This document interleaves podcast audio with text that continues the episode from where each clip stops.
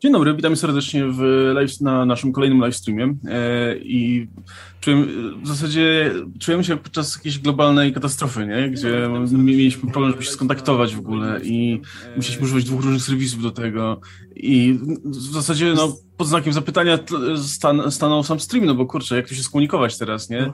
Wiesz co, najlepsze, ja się czułem jak w Google e, e, Eli, gdzie byłem tym Denzelem Washingtonem, bo łączyłem Oscara z Discorda z tobą z Twittera, nie? No mówię, możecie, możecie przyjść tutaj na czat i porozmawiać z ludźmi, zobaczyć, że ludzie dalej istnieją. Bo wiem, że może się wydawać, że świat przestał istnieć. Ludzie zniknęli, ale są. No, znaczy właśnie najgorsze jest to, że można się nawet nie zorientować, że coś nie działa, nie? No bo po prostu nie, nie, nie jest tak, że nie wiem. Znaczy, znaczy, z tego co widzę na komputerze jest tak, że po prostu no, jest, pojawia się w tym w okienku Messengera, że trwa łączenie, czy coś takiego, nie? No okej, okay, może się zorientować, coś jest nie tak, ale na, na telefonie. Po prostu ja ci nie odświeża, tak, po prostu. Po prostu nie odświeża, nie? Po prostu no piszesz i co? Ja w ogóle tak się napisałem. Um, coś w stylu, czy, czy Messenger działa, bo się zorientowałem, że na komputerze nie działa, ale jakbym, powiedzmy, nie wiem, wrócił do domu akurat i po prostu sięgnął po telefon, żeby napisać, ej, jesteście, czy coś takiego, i była cisza. To by, byśmy stwierdził, że kurde, to oni robią. No i tak, kurde, zapomnieli, nie wiem. Ja... W każdym razie... Używałem no to jest... na kompie Facebooka, więc akurat jak Facebook, to, to już tak założyłem, że to raczej to nie jest tak, że Messenger będzie działał i po prostu tak nagle kompletna cisza. Tak, ja tak przeglądam Facebookiem, wiesz, są rzeczy, ale od 17, nie? Znaczy do 17, nie? I wszystko działa, ale tylko do tej godziny. Nagle zniknęły dwie godziny, co się dzieje? I przeglądarka wywaliła od razu, więc, więc już domyślałem się, że tutaj, tutaj też to nie tak, że wszyscy zamilkli. No, ale tu, ale tu dalej są ludzie. No, tu są ludzie i e, w zasadzie dobrze, że Facebook nie wykupił YouTube'a, nic takiego, że Google, Google się trzyma mocno cały czas, więc e, gorzej kiedyś, w sumie gorzej jakieś serwery Google padną i w sumie wtedy będziemy mogli sobie siedzieć na Facebooku i transmitować na Facebooku, nie? Więc Instagramie, no, no, relacje robić to. Generalnie mówię na to, że Twitter najlepszy. duże korporacje. I, I Twitter najlepszy. W Twitterze no. nie, nie, nie, raczej nie, nie postreamujesz za wiele, ale... Czekajcie, a Twitch, a Twitch jest kogo? E, Amazonu chyba? E, nie, nie wiem w sumie nawet. Bo to też, też jest wtedy jakaś opcja. Musimy mieć nazwać napisy końcowe. A, Amazonu. Napisy końcowe awaryjne. jakby padło, to jest Twitch. No, to, to, jest Amazon, to jest trzecia korporacja, także no. jesteśmy bezpieczni, nie? Nigdy nie jest tak, że trzy, trzy padną, więc będziemy mieli co robić. E, no dobra, słuchajcie, to tak. Porozmawiam sobie dzisiaj o e, wylanach w filmach komiksowych. Tak na luzie po prostu. Po, po, po, przepraszam, powspominając sobie niektóre tutaj klasyczne występy, ale także też próbując dopasować do nich, e, czy może porównać z nimi te, te paru, parę ostatnich występów, no, tych nowszych powiedzmy postaci z nowszych filmów. Albo oczywiście druga połowa naszego streamu, no to będą już odpowiedzi na wasze pytania na każdy temat. I oczywiście no, to jest. Um, każdy, ma, każdy ma oczywiście innego kandydata na, na najlepszego antagonistę, powiedzmy, w historii, coś takiego, więc ja bym chciał y, może zacząć od, od tych y, ostatnich filmów. Czy uważacie, że ktokolwiek z ostatnich antagonistów w filmach komiksowych, powiedzmy z paru, nie wiem, z paru ostatnich pięciu, sześciu lat, ma, ma szansę zaistnieć w tym takim panteonie tych największych y, y, antagonistów, wiecie, dołączyć do, nie wiem, Jokerów, do, do Magnetów i tak dalej. Czy, czy ktokolwiek zapisał się tak mocno popkulturowo, e, jak, jak wiecie, jak ci, mm, jak ci antagoniści z tych czasów, kiedy tych adaptacji komiksowych nie było aż tak dużo. Mam wrażenie, że e, także przez to, że że, że filmów komiksowych jest tak dużo, no to wielu tych antagonistów tak troszkę przypada w, w, w tym całym, e, powiedzmy, oceanie tych, tych rozmaitych filmów, postaci, ekranizacji i tak dalej. No ale pytanie jest takie, czy, czy komuś się udało być może według was e, tutaj zaistnieć? I to jest, to pytanie też kieruję do, do, do naszej publiki. Wydaje mi się, że nie, ale właśnie nie dlatego, że byli słabi, tylko to, co powiedziałeś jest sednem. Jest po prostu tego tak dużo, jest tak dużo tej treści, że nawet na przykład w, w Shang-Chi uważam, że UNW był fantastyczny, ale czy się tak przebije, to ciężko powiedzieć, bo tego dalej jest w tonie innych treści serialowo-filmowych do tego stopnia, że ja mogę uważać, że jest super, ale i gdyby wyszedł, wiecie, w 2012 powiedzmy, 2013 taki film, to byśmy pamiętali, o, to był, to był super antagonista, to był super złoczyńca. Tylko problem polega na tym, że dzisiaj jest tego tak dużo, że no, nie wiem, ja bardzo chwalę na przykład antagonistów w Spider-Manie, czy Vultura, czy Mysterio. Podobnie, gdyby to był gdzieś tam kiedyś film właśnie w okolicach Amazing Spider-Mana powiedzmy, gdyby zamiast tego były te Spider-Many z Tomem Hollandem, to pewnie by się jeszcze pamiętało na zasadzie, o, jedni z, wiesz, super złoczyńcy Spider-Mana, ale ponieważ to idzie w tym ciągu, to bardzo ciężko to wyciągnąć i prawda jest taka, że jak popatrzymy na MCU na przykład, to ci złoczyńcy, którzy się zapamię zostają zapamiętani, to głównie ci, którzy po prostu mieli więcej niż jeden film. Thanos, Loki, dopóki był złoczyńcą, to, było wszystko, to były wszystkie postacie, które po prostu miały budowę przez dłużej niż jeden film, więc siłą rzeczy miały większą ekspozycję. A jednofilmowi złoczyńcy dzisiaj mają nikłe szanse. Tak, ale wiesz, to też jest tak, że e, no kurczę, są te postacie, które są naprawdę fantastyczne, nie? No jak Killmonger, jak Wenwu, jak już o nim mówimy, e, które no, będziemy pamiętać, będziemy o nich rozmawiać, nie? Bo one mają super, e, super są w tym świecie zakorzenione, mają naprawdę ciekawe historie, nie? Są połączeni z bohaterami w jakiś fajny sposób. No i, i miło się ich wspomina, ale no, to nie będą takie ikony jak, nie wiem, na przykład Pingwin z Batmana, nie? Jak e, Joker Jacka Nicholsona, nie? Które jednak są ikonami. I nie wydaje mi się, że właśnie przez ten, przez ten przesyp, nie? Że tego jest tyle, co chwilę się pojawia nowy, nowy, nowy, no że gdzieś to będzie nikło, nie? I tutaj nawet nie mówię o tylko o superbohaterskich, e, o superbohaterskim kinie, nie? Bo mam tyle blockbusterów, które tworzą złoczyńców, takich w stylu tych superbohaterskich, oni się na siebie nakładają, nie? Mieliśmy tak. Lisa LB w Hobbs Show, nie? Szybcy i wszystkich... właśnie wszyscy, tak. Tak, teraz, teraz w Bondzie mieliśmy nawet tego Ramiego Maleka strasznego, okropna rola, ale on też się wpisuje w to, nie? On też nakłada, on jest położony do tego kosza całego, nie? I tam wprowadza jakiś zamęt, że gdzieś ci naprawdę fajnie nikną, nie? Bo tego jest za dużo, za dużo bodźców jest. Jesteśmy, a przypomnijmy sobie, nie wiem, początek lat 90., gdzie tego naprawdę były jeden, tak. dwa, trzy filmy i ci złoczyńcy e, narastali z nami, nie? Wiesz, my rośliśmy i oglądaliśmy te filmy coraz częściej, coraz częściej, no i gdzieś nam to w głowie zostawało, nie? Nie uważam, tak. nie uważam, że ci złoczyńcy byli gorsi. W ogóle na czacie co chwila pojawia się Kingpin. Zakładam, że chodzi wam o Kingpina Vincenta, Vincenta D'Onofrio, ale to nie jest uczciwe porównanie. Mówiłem o ekspozycji. W momencie, w którym masz mm. trzy sezony, z których dwóch był on głównym antagonistą, w trzecim miał, znaczy w środkowym miał jakąś tam rolę, no to to jest kompletnie nie do porównania ze złoczyńcą, którego możesz spotkać w tym jednym, jedynym filmie i, i ma na, wywrzeć na tobie takie wrażenie, że ma się zapisać w szeroko pojętej hmm. popkulturze. Tutaj nie ma kompletnie porównania, więc nie, nie, nie ma nie. sensu go robić. W ogóle wiesz, on jest świetnie zagrany, fantastyczny aktor się w niego wcielił, nie? Ale no to nie będzie postać ikoniczna. No, ja myślę, że może być. Właśnie myślę, że nawet może ale być. Nie, ale, nie ale na cały poziomie, czas, wiesz, ale cały czas ale... są to seriale i cały czas jednak inaczej patrzymy na złoczyńcę, do którego tak przywykliśmy dzięki temu, w ilu odcinkach go widzieliśmy, a co innego, kiedy nie wiem, światem zawładnął Heath Ledger jako jego Joker i wszyscy o tym gadali po jednym filmie, jednym jedynym, w którym go widzieli. No, znaczy wydaje mi się, że, że właśnie mm, na pewno łatwiej było zaistnieć tym, tym antagonistom, którzy się wybijali jakoś w przeszłości przez to, że, że filmów było mniej, ale też te film, mm, no też samym, ale to, to, to jest powiązane z tym, że samym filmom było, było łatwiej zaistnieć, przez to, że konkurencja była mniejsza, e, łatwiej było wiecie, w cudzysłowie, w cudzysłowie łatwiej e, było, było zaskoczyć czymś widzów, także w, w, kontekście całego filmu, więc, więc też ci antagoniści byli, powiedzmy, mm, mocniej się zapisywali w historii. Ale wydaje mi się, że żeby jakoś mieć jakieś pojęcie na ten temat, który z tych, który z tych złoczyńców się zapisał jakoś mocniej w, w, świadomości, no to trzeba się odwołać do tego, do czego zwykle się odwołujemy w takich przypadkach, czyli no, do tej popularności internetowej, do tych wszystkich memów i, i obrazków i tak dalej, popularności właśnie sieciowej i tak dalej. Mam wrażenie, że, że, że najpopularniejszym antagonistą z tego, z tego grona był Thanos, nie? To, no, ale, to, to miał, ale, ale ile on miał miejsca, nie? No, on miał dużo, no tak, miał dużo miejsca, ale jakby nie patrzeć już po tym pierwszym filmie, w którym się pojawił, już był jakby niejako tym, e, tym, tą postacią, która... Po Guardians of the Galaxy? No nie, nie no to, ale to było to, to, to, nie jest, nie jest, nie jest tak. istotne, mówię o Infinity War, nie? Tak, tak, tak, ale w Infinity on był prawie, że głównym bohaterem tego filmu, nie? No wiesz, nikomu nie, nikt, nikt nie ma, y, w sensie nikt nikomu nie zabrania zrobić, nie wiem, innego filmu, gdzie, gdzie antagonista będzie, będzie tą centralną postacią, mimo że film de facto będzie o innych, bohater, innym bohaterze, nie? Albo innych bohaterach. Zresztą no Batmany przecież na tym się opierały. Te, te, te, Niby tak, ale, ale, ale jednak...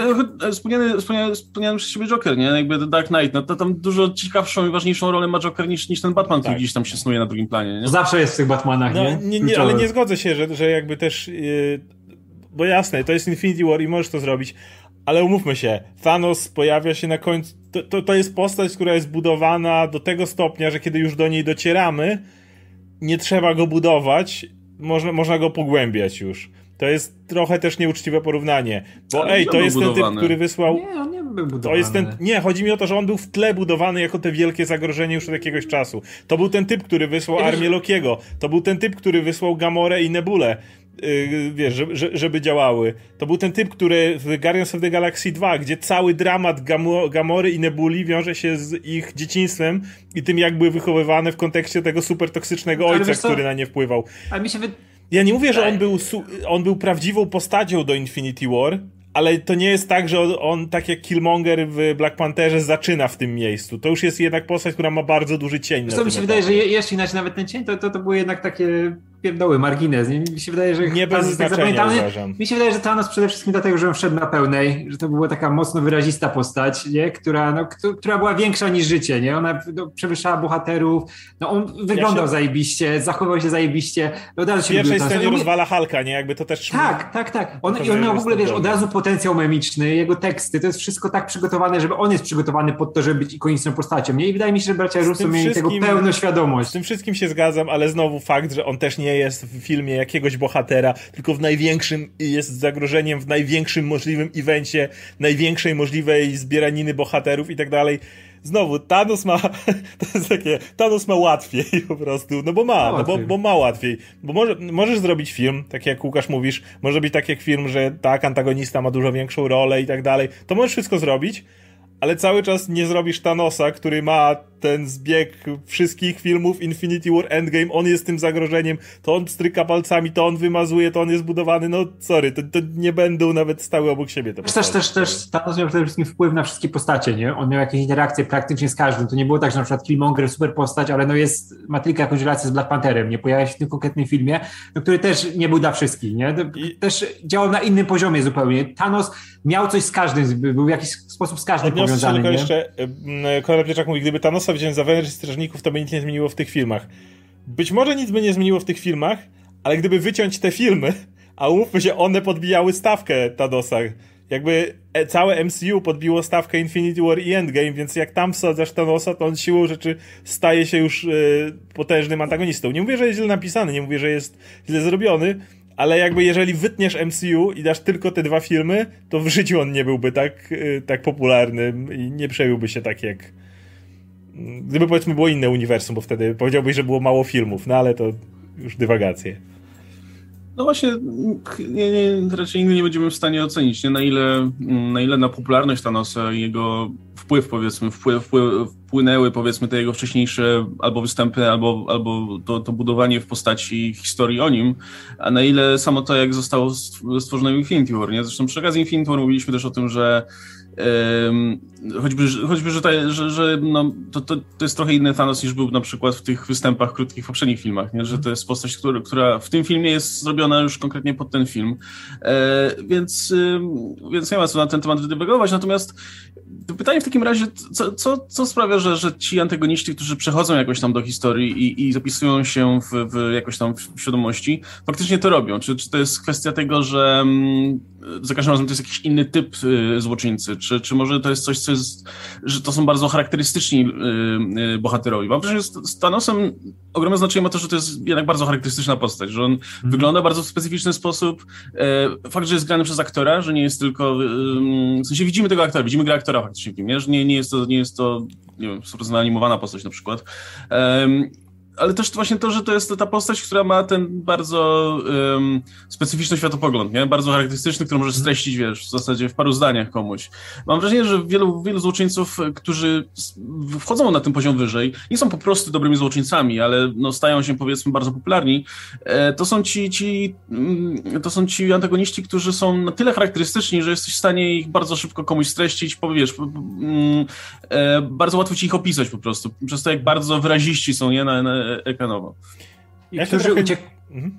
Niektórzy uciekają od tego motywu, że o, muszę rozpierdalać, muszę zdobyć moc i wszystko rozjebać, nie? Jak te początkowe postacie w, nie wiem, na przykład Ronan, nie? Albo Malekid, nie? To oni, wiadomo, że tam była jakaś inna jeszcze agenda, którą tam mieli, do czego dążyli, ale sprowadzało się do końca tutaj, dobra, będzie wielka bitka, napierdalamy się, mamy swoją armię, nie? I ten, a zupełnie na innym poziomie działają te postacie, które mają jakąś osobistą sprawę związaną z bohaterami, jak na przykład Vulture, jak na przykład Killmonger, nie? I one są dużo, dużo ciekawsze.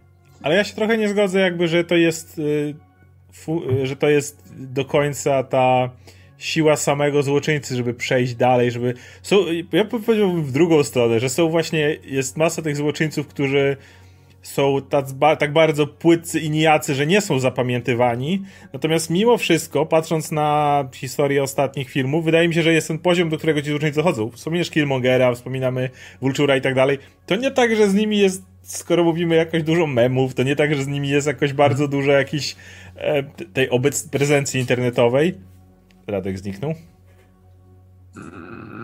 Padł razem z Facebookiem. Jestem, jestem. E, więc e, szczerze mówiąc, to autent... jeżeli miałbym powiedzieć, co powoduje, że wchodzą, że jakby przechodzą, mówimy tu o popularności, a nie naszych subiektywnych jakichś tam odczuciach, to moja odpowiedź mi, nie mam zielonego pojęcia. Dlatego, że jak patrzę na wielu złoczyńców, to bym powiedział, że wspomniałeś o Vulturze.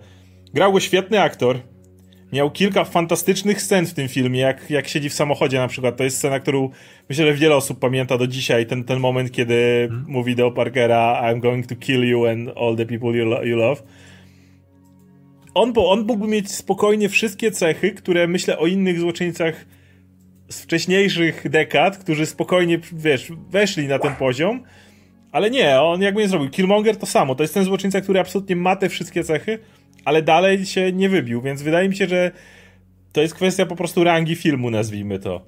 Dzisiaj mamy ten, ten, eventozę, dzisiaj jest tak, że film ma być super eventem i dzisiaj mamy mieć motyw, w którym e, ten złoczyńca musi powracać. Wiecie, kto miał sporo memów?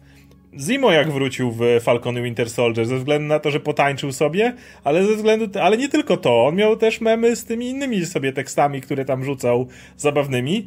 Myślę, że w dużej mierze dlatego też, że to był już Zimo.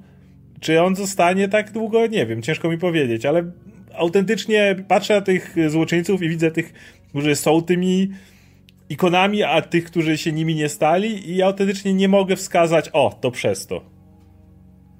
No to nie jest takie jedno, to się zgadzam zupełnie. A tutaj y, na boku tylko powiem, bo Konrad pisze, że teraz do mnie doszło Stephen Wolf ze Snyder Cut był ciekawym złoczyńcą. Jak kocham Stephen Wolfa z, z Snyder Cut. To jest smutny chłop, który chce tylko do domu wrócić, nie? I tylko atanci go tak butują i nie, kurwa, nie ma tutaj do domu, nie, nie wrócisz chłopie, bo narobiłeś. On nie, on chce tylko do domu, wpuśćcie mnie, proszę. To jest tak piękne, nie, to jest super złoczyńca w tej wersji. Snyder tego nie planował. Jeżeli tak powiem, że możesz oczywiście, pomimo tego, że masz wysoką rangę filmu i duże zainteresowanie, możesz skopać złoczyńcę do tego stopnia, że będą go mieli gdzieś. Ultron jest tego świetnym przykładem.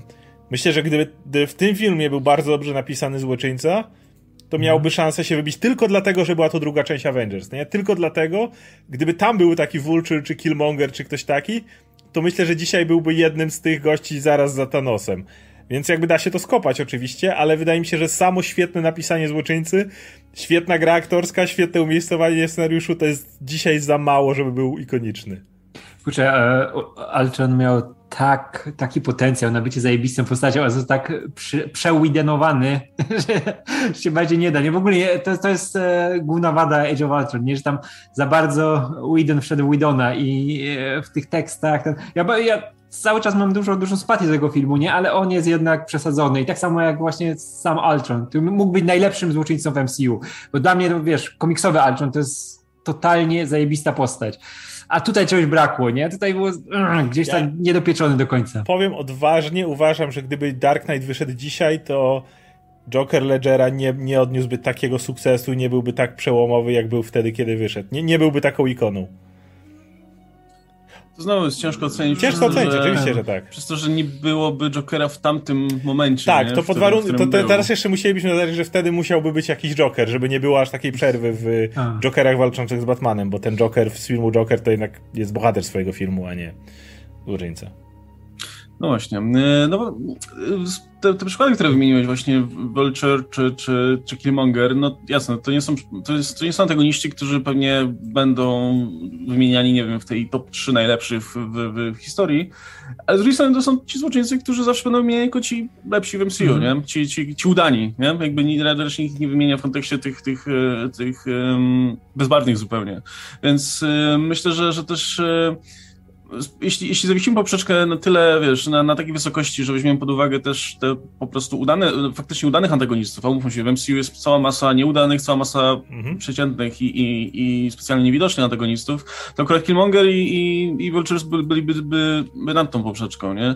Jest masa tych takich, mm, ja mam wrażenie, że w ogóle jeśli chodzi o MCU szczególnie, ale to też tyczy masy innych y, y, filmów superbohaterskich, natomiast przez to, że filmów MCU jest tak dużo, no to lepiej to widać.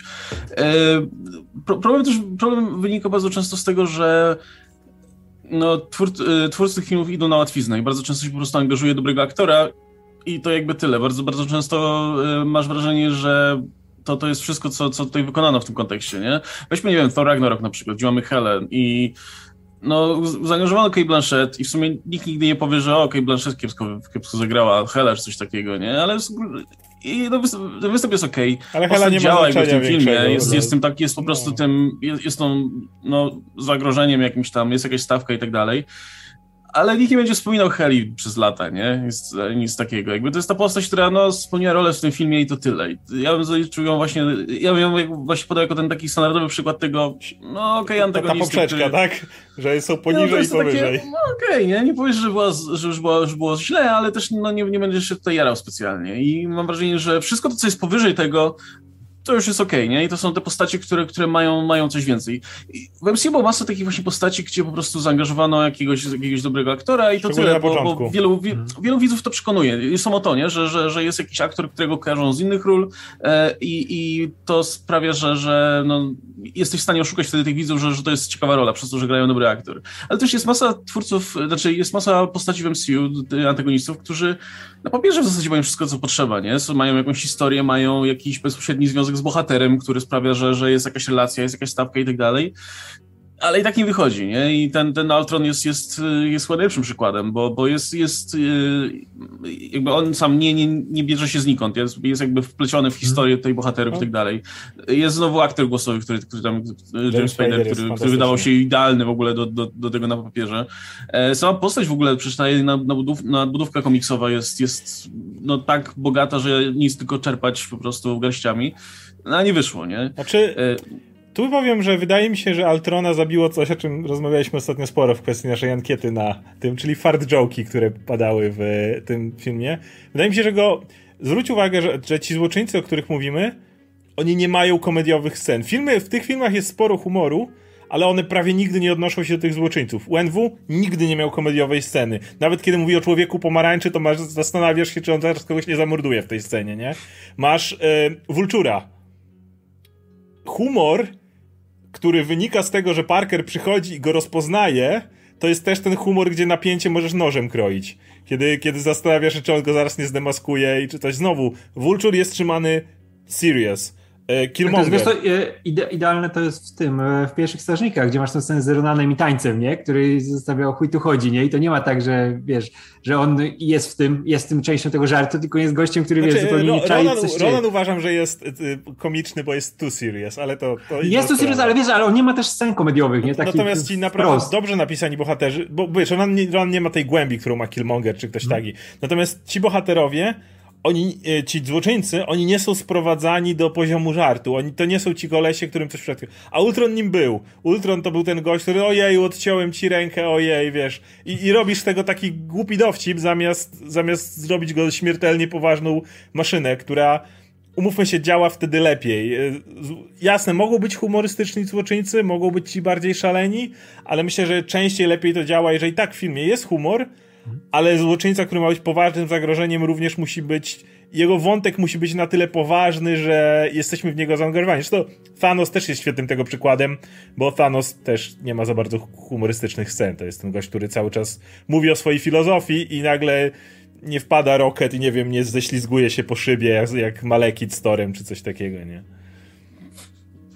No, znaczy, to, to, jest, to jest też dobra myśl, nie? że mm, są, są te filmy, gdzie, gdzie antagonista no niejako musi wejść w rolę tego, tego mm, showmana, który, który nie jest tylko i wyłącznie, który nie jest stuprocentowo serio, no bo to wynika niejako z jego charakteru, nie? No nie wiem, ego w, w, w drugich Guardiansach, mm -hmm. to nie, nie był śmiertelnie poważną postacią, no bo to, to wynikało z jego nie charakteru, on był, był, mocno pewny siebie i -hmm. wiedział, co, co robi i tak dalej, ale jednocześnie też, też akurat on ten swój plan i tak dalej traktował dosyć poważnie, nie? Jakby on, jego osobowość była trochę inna. E, ale to też był trochę inny film, który był bardziej skupiony na postaciach niż na antagoniście, mm. pozorom, nie? Jego ego tam pełni trochę symboliczną rolę jako to ego właśnie, no nie, jakby mhm. subtelne. E, no, więc y, jest trochę inna sytuacja. Natomiast kiedy mamy te postacie, które jednak no, muszą być de facto postaciami i stać na własnych nogach, y, ciężko jest zrobić komediowego, komediowego bohatera, który jednocześnie wciąż będzie przerażający. Nie? Może to jest kwestia tego, dlaczego, dlaczego Joker jest, jest tak bardzo e, w świadomości się, tak. ludzi tak. e, tak, tak, tak mocno zagościł, bo to jest ten rzadki moment, kiedy ten kontrast działa. Nie? Masz postać, która faktycznie jest zabawna i która jest, jest e, no, siłą rzeczy jest, jest komediową postacią, a jednocześnie wciąż jest przerażający, wciąż e, kompetentnym antagonistą dla, dla bohatera. Nie? E, ja w ogóle jeszcze a propos tego, jeszcze mam taki, a propos Jokera, bo to jest, to jest dobre, dobre przejście, e, bo ja jestem ciekaw, co myślicie o, właśnie wspomniałem o tym, że wielu złoczyńców, szczególnie tych, tych no, jakoś, którzy jakoś tam się zapisali w świadomości im e, popkulturowej, e, jest mocno związany z bohaterami. Jest oczywiście ten, ten trop w filmach MCU, którego, za którym nie przypadamy, gdzie no, bardzo często złoczyńca jest po prostu odbiciem bohatera, bo tak jest łatwiej, bo, bo nie musisz budować specjalnie tego złoczyńcy, bo możesz po prostu stworzyć go na podstawie tego bohatera. I końcowa e, walka jest zawsze najprostsza, jak dwaj goście czy kobiety, które nawalają się z identycznymi mocami, mogą się ponawalać z identycznymi mocami, więc ale właśnie y, to jest, to jest coś, co ja, co ja generalnie lubię, znaczy nie, nie to, co, co jest w filmach MCU, ale ja bardzo lubię, kiedy antagonista jest związany jakoś bezpośrednio z mm. bohaterem, że to nie, nie są kompletnie wiesz, nie, kompletnie powiązane są postacie, które jakąś tam siłą rzeczy się ścierają w którymś momencie, ale kiedy mają powiązania. Ja bardzo lubię to, jak, jak w no, klasycznym już filmie Batman z 89 roku y, mamy, mamy ten motyw, gdzie postać Bruce'a Wayne'a i Batmana czy, y, oraz Jokera są powiązane są na, nie wiem, kilku różnych poziomach, nie? Jakby genezy ich się biorą bezpośrednio od siebie. Ich wątki są splecione ze sobą, spotykają się w różnych wersjach swojej postaci wielokrotnie i tak dalej.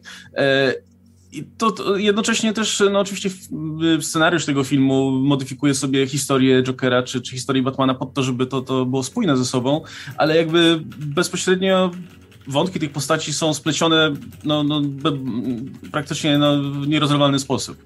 E, pytanie moje jest takie właśnie, czy, czy wam odpowiada te, tego typu opisanie złoczyńcy, który właśnie jest y, mocno związany z bohaterem? E, no nie wiem, Black Pantherze na przykład tak jest, nie? Że, że y, to jaką, jaki wątek Monger jest też bezpośrednio związany z tym, kim z kim jest y, T'Challa i tak dalej. Czy, czy wolicie, kiedy to nie jest aż tak bezpośrednio związane. Wiadomo, że zawsze jest jakiś związek, żeby to miało sens w filmie, e, ale, no, ale są ci antagoniści, gdzie, gdzie, którzy są bardzo związani z bohaterami, a są ci, którzy powiedzmy, no jakby w którymś momencie losy ich znaczy, ze sobą połączyły. Uważam, że nie ma zasady co do tego, bo zawsze jest ten wątek jakiś wspólny i nie widzę jakby nie widzę tutaj żadnej konkretnej zasady. Jakby oni muszą, muszą mieć przeciwstawne ideologie na którymś etapie, żeby się zetrzeć, bo inaczej to nie ma sensu, więc to jest oczywiste, to jest pisane. No wszystko poza tym to jest, wydaje mi się, już kwestia tego, czy ktoś coś dobrze napisze, czy nie. Bo możesz popatrzeć na pierwszego Ironmana, gdzie masz postać Jeffa Bridgesa, który powinien być tym gościem, był tym jego kumplem jego ojca, wiesz, jego przyjacielem w firmie i tak dalej. Miał wszystkie cechy tego, żeby być tym mocno związanym złoczyńcą z Starkiem, a ostatecznie był złym panem korporacją i niczym więcej. Nie miał tam nic więcej, jeszcze grał świetny aktor, nie? Więc jakby to kompletnie nic nie dołożyło, chociaż na papierze powinno to działać. I więc dlatego mówię, na przykład to, co mówisz z Jokerem i Batmanem w pierwszym filmie Burtona, to działa super w tym jednym filmie, ale na przykład no, mi się to gryzie, że w momencie, w którym e, Joker ginie, no to Batman mógłby odłożyć maskę i powiedzieć dziękuję, do widzenia. I to byłoby spoko w tym jednym filmie, ale nie ma sensu dla całego mitosu, mitologii Batmana, kiedy e, wiesz, mordercą jego rodziców nie jest losowy przestępca. Znowu, działa w filmie, nie działa, ale to nieważne akurat w, tej, tym szerszym znaczeniu.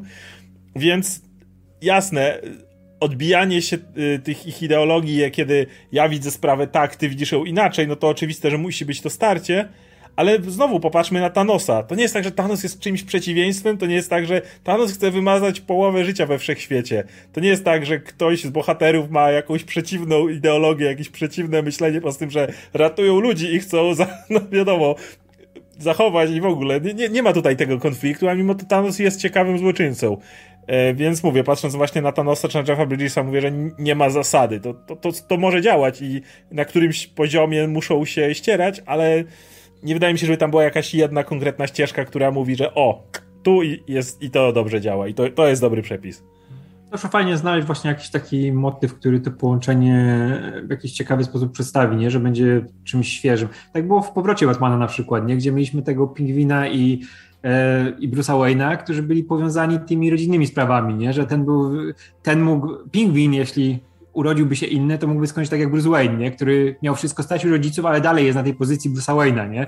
Bogaty gość, który, no, który ma wygląd, ma wszystko i mamy tego pingwina, nie? Który został odrzucony, teraz powraca i chce zdobyć tą władzę, nie? Chce wy, wydrzeć dla siebie to, co wydaje mu się, że stracił, nie? Co uważa, że stracił. I to był super motyw, nie? Mocno zakorzeniony w tym aspekcie Batmana, który rzadko kusi scenarzystów, nie? czy to komiksowych, czy to filmowych, nie? żeby się skupić na Bruce Wayne, nie? skupić się na tym, jaką on ma pozycję, nie? co on robi. Nie? Ciekawsze jest to, że on tam płacze na tych gargulcach jako Batman. Nie?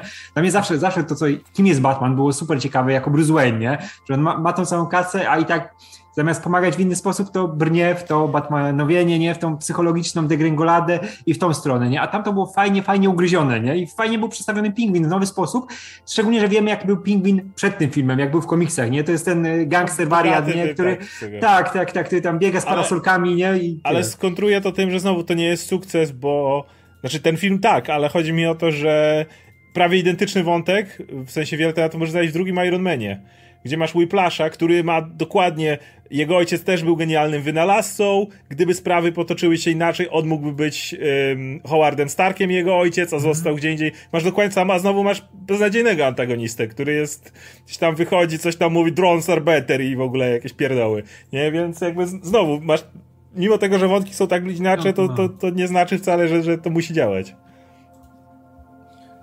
No dobra, to e, jeszcze zajrzę może, może na czat, bo tutaj widzę, pojawia się cały czas Venom 2 i, e, i, i powiązania między, między Venomem i Carnage'em. No, no chłop, ja myślę, w rękę będzie, będzie cała masa, bo po pierwsze e, Carnage to, to będzie, to, to, bierze się od Venoma, nie? Nie wiem, czy to zostanie tak jak w komiksach potraktowane, że oto jest potomek oficjalnie, czy nie. Pewnie nie. Będzie, nie, coś, coś znaczy, było już w tych zapowiedziach. No, że... no on mu jakoś jego z krwi coś wypił mu, no. Tak, ale nie, ale było, było mówione, że on jest jego synem, nie, że to jest jego. Ale to może mogą, wiesz, nie, nie robić tego dosłownie tak jak w no tak, komiksach, tak, tak. tylko powiedzieć, że jest jego tworem od, od nogą. Ale przypominam jeszcze, że w nie jest moment, jak y, Woody Harrelson, znaczy ten Cletus Cassidy, ale to jest Woody Harrelson dla mnie, no, no mówi, że mówi do Diego Broka, że jesteśmy do siebie podobni ty, ja i tak dalej. Bo ja, ja jestem... jestem pewien, że to jest ten taki bullshit, który... Tak, ja jestem seryjnym mordercą, a ty jesteś dziennikarzem.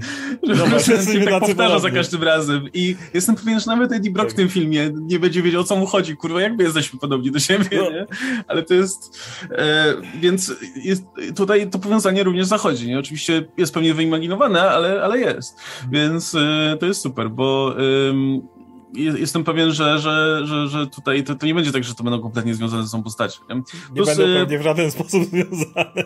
Plus to jest zawsze upgrade mimo wszystko, kiedy mamy y, dwa gluty CGI i jeden jest czarny, drugi jest czerwony, niż jak są dwa, jeden jest szary, a drugi czarny. Czerwono-szary. Jak, jak widziałeś to... Ale jest, to jest ta różnica. Jest. Ja tylko chcę powiedzieć, że... nie, wiem, nie wiem, czy widziałeś ten e, fragment, który Tak, tak, tak, jak on się, z, jak się rodzi niejako. Wie, wiesz, co jest niesamowite? Ja ogóle CGI kocham, jest tak kocham, tak brzydkie. CGI jest straszne, jak kocham e, w ogóle ten, tą strategię reklamową tego filmu. On trwa 97 minut. I pokazują rzucili, takie sceny już. Rzucili 5 minut całej sceny. wydaje mi się, że istotniej.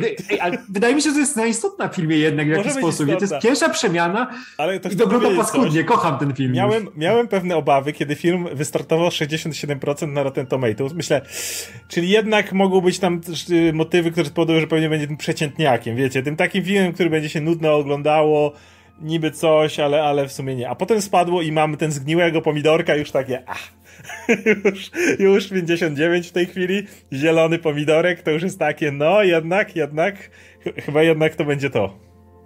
No, to jednocześnie oznacza, że ciągle większości się podoba, więc... Tak, ale, ale już wiesz, jest poniżej tej tych 60%, więc już jest Mo można zacierać ręce. No. Nie, będzie, będzie super kino. Tak, to, takie no, gówno, że nie mogę. Jak widziałem jakieś tam fragmenty Venoma na dyskotece, jakby to już jesteśmy blisko tych e, motywów z fanta Pamiętacie Fantastic Four, jak e, tą, tą, tą środkową, jak e, Reed Richards poszedł tańczyć na dyskotece? No jest. Najlepsza scena. Myślę, że w Venomie dostajemy coś podobnego. Ja bardzo, bardzo lubię to, że w tych fantastycznych czwórkach Team Story widać, że miał dużo serca do Tak, bardzo. Widać, że lubi te historie z lat 60., ale może za bardzo je lubi. może to też jest problem czasami. Kurczę. A mam dużo serca, mam dużo sympatii do tych fantastycznych Ja mam bardzo, bardzo dużo sympatii, one są tak złymi filmami, ale to właśnie, to właśnie są te, te złe filmy z tych czasów, złych filmów. No. No. Ale e, Chris Evans jako Johnny Storm był zajebisty. No tak, tak. No. No i to jest to też dobry, dobry przykład e, tutaj tej naszej dyskusji, gdzie kurczę, mamy trzy filmy o Fantastycznej Czwórce, w każdym był Doktor Doom cztery. i nigdy nie udało się zrobić nic sensownego z nim. Cztery, no, cztery w zasadzie, no.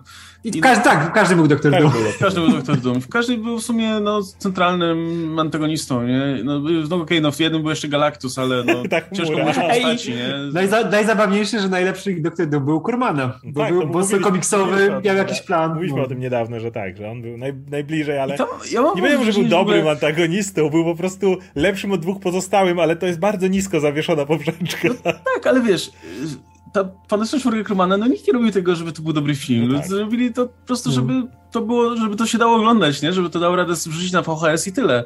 E, I, no i w tym kontekście ten film się ogląda, no. Plus, ja mam wrażenie, że Doktor Doom w tym filmie, w tym, w tym e, filmie z tam 92, on, on tak... Najlepiej ma zarysowaną relację z, z Reedem Richardsem. Tam jest, tam jest ten motyw, gdzie oni faktycznie jakieś robią eksperymenty razem i jest jakaś tak. taka rywalizacja między nimi i, I on też w momencie, ma w którym oni... tą prezencję no. taką z lat 60., tym najbardziej czujesz w nim tego, że Doom Will, coś tam, nie? To jest ten gość, który w trzeciej osobie może powiedzieć i... No, sprzedaje to mimo, że ma tą szmatę na sobie, tak. taką brudną ścierę. W... Szczerze, cały, cały czas wygląda lepiej niż ten typ w, work, w workach na śmieci. Z, Ale to było, to było niesamowite, jakby doszliśmy od tego Duma takiego mocno komiksowego do Wiktora Domaszewa, informatyka.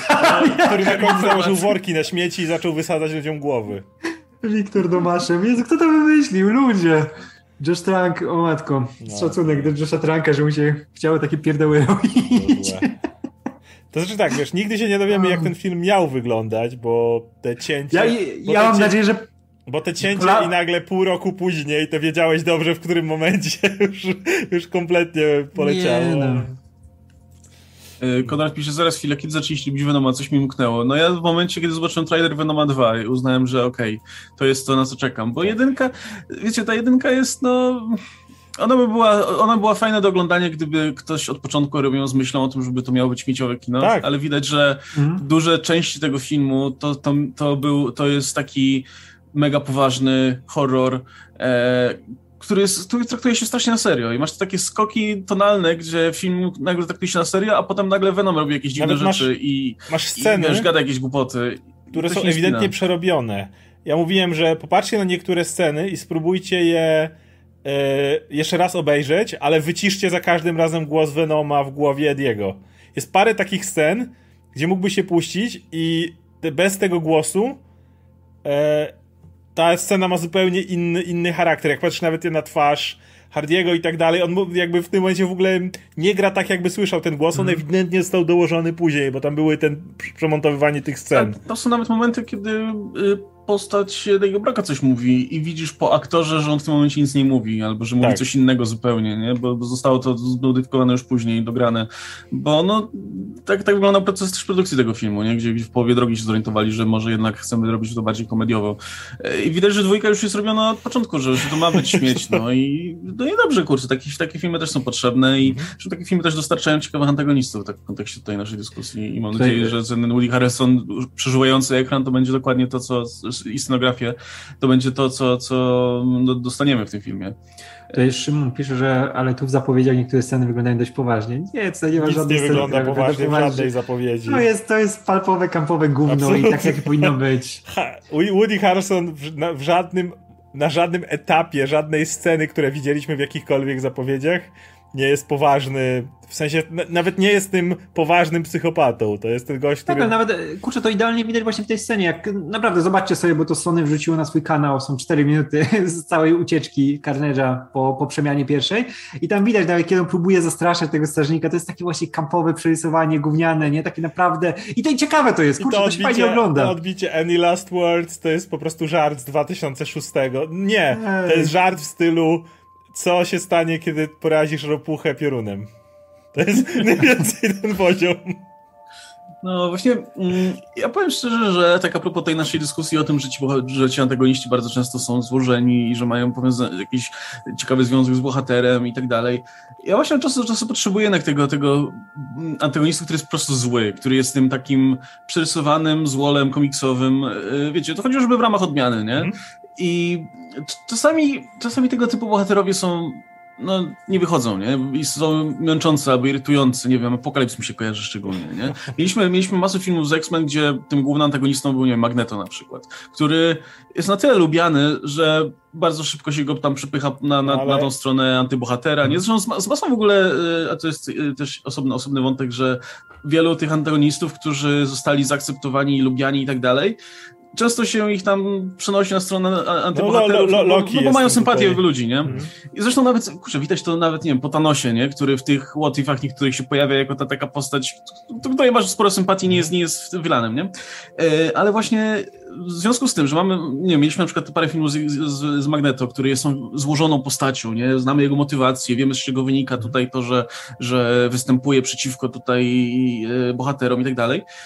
A potem stajemy tego Apokalipsa, który po prostu tam żeryja i tak dalej. Kurczę, gdyby on był ciekawszą postacią po prostu, gdyby on miał, nie wiem, wyglądał ciekawiej, miał jakąś historię ciekawszą i był, miał charakter jakiś, poza tym, że no, stoi i krzyczy, to myślę, że, że, że byłby, byłby dużo, dużo fajniejszą postacią niż, niż to, co dostaliśmy bo zabrakło mu po prostu czegoś, czegoś takiego ciekawego, Ale... czegoś charakterystycznego, nie? To, to... Po prostu typem na niebiesko pomalowanym, który tam Darreya chciał piramidy budować, czy, czy burzyć, albo burzyć, to, budować. To co mówisz a propos Woli, ja dlatego mam ogromny sentyment do Red Scala który jest totalnie jednopoziomowym bohaterem. To jest. Ja bardzo lubię ten pierwszy film Kapitana Ameryki. I, i Red Skull jest dokładnie tym, złym nazistą. Tak nie, nie da się bardziej, prawda? To jest tylko ten Evil Mac Mac Evil. Ale to jest ta postać, którą zawsze musi pokazywać jako pierdolonego nazistę, bo on tak? jest, jest, no taką, jest. Ja powiem, jak w komiksach zawsze pokazywali go przeszłość, próbowali wiesz, coś ma do, dodać, nie? Zawsze, kurde, jebany nazista, nie? To, Nic go nie tłumaczy. To jest Betty McBeth, no to jest, nie da się bardziej. Ale, Już tak ale, ale właśnie, wiesz, przez to, że właśnie może dlatego, że Steve Rogers jest tym takim z kolei rycerzem na białym koniu, to mm. może dlatego w tym, w tej yy, strukturze to działa. Czy on by działał na wiele filmów? Raczej nie, ale, ale mam jakiś sentyment. Ale podobnie mówisz o X-Men o tyle, co miałeś tam złożonych antagonistów, William Stryker jest chyba najlepszym złoczyńcą, jeśli chodzi o serię mm. X-Men, ale uważam, że też Bolivar Trask, którego grał Peter Dinklage, też był, też był fajną postacią właśnie pod tym względem, że to był ten, ten, ten typ. A jednocześnie jeden z lepszych filmów X-Men miałeś znowu drużynę Betty McBadbats, czyli First Class. No tam ten no, Hellfire Club to było... To... Nazywały się Hellfire Club, Hellfire proszę Club, Kevin Bacon był tym złym nazistą, no znowu. No. I, I co? I film działał świetnie.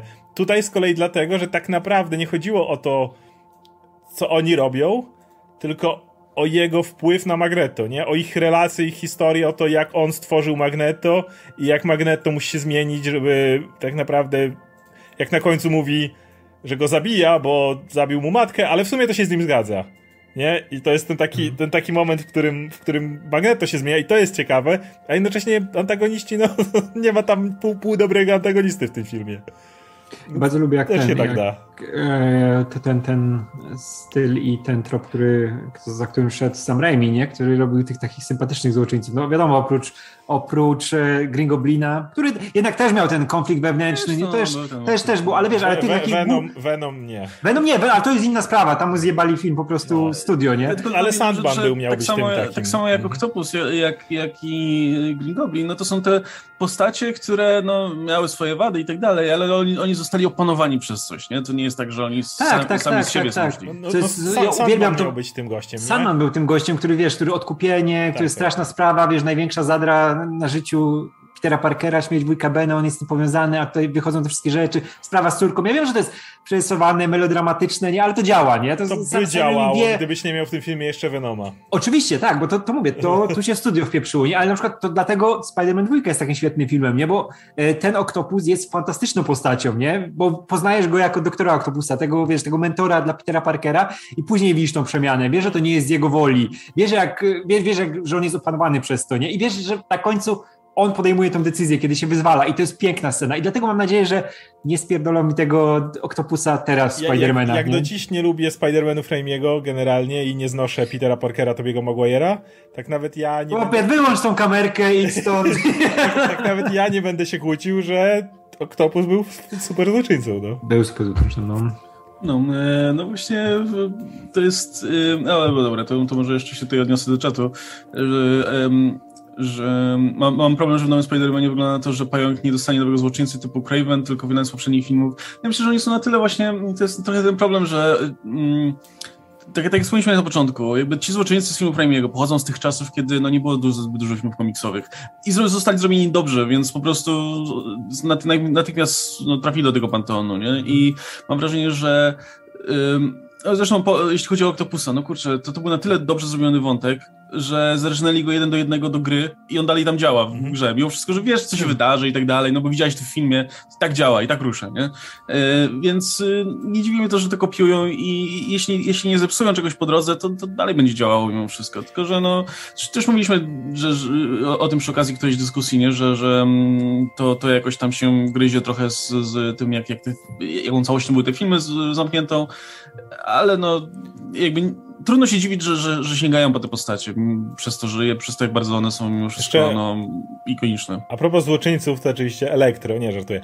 E, jeśli chodzi o złoczyńców, to chciałem no, powiedzieć, że skoro jest, jest, oczywiście, jest oczywiście jeszcze y, y, Lizard, nie? który jest trochę w tym samym kluczu. Też y, no, ten profesor, Tylko... pozytywna postać, i go, i go który, który zmienia, coś, tak? tak, którego coś wbrew jego woli zmienia i staje się tym, tym Ale... złoczyńcą. Tylko tam znowu a nie? tutaj tak widać, że już jest scenariusz dobrze napisany, nie? I postaci no. rozpisane. Jedną bo to też jest dobry aktor, też świetny aktor się wcielił w Lizarda. Jedną rzecz, którą chcę powiedzieć, kto, kto, znowu będę chwalił film Spider-Verse, który jest fantastyczny.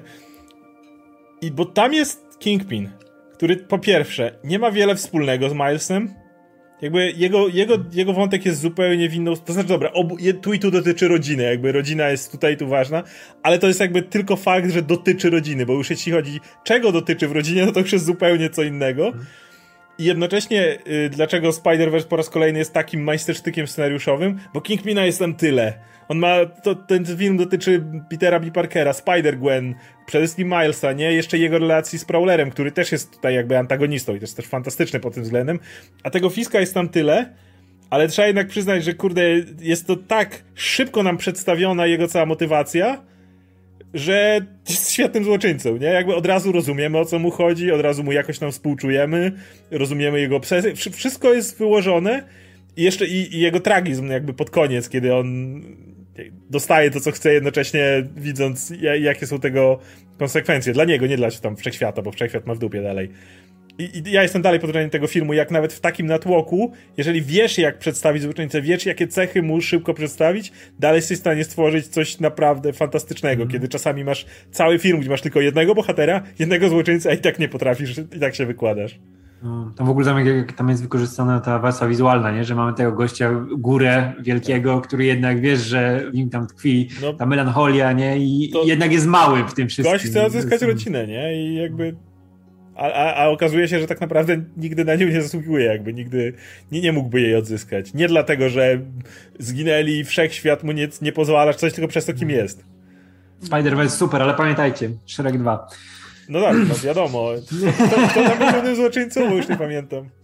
E, kolego, matka, zła matka chrzestna jest cudowna.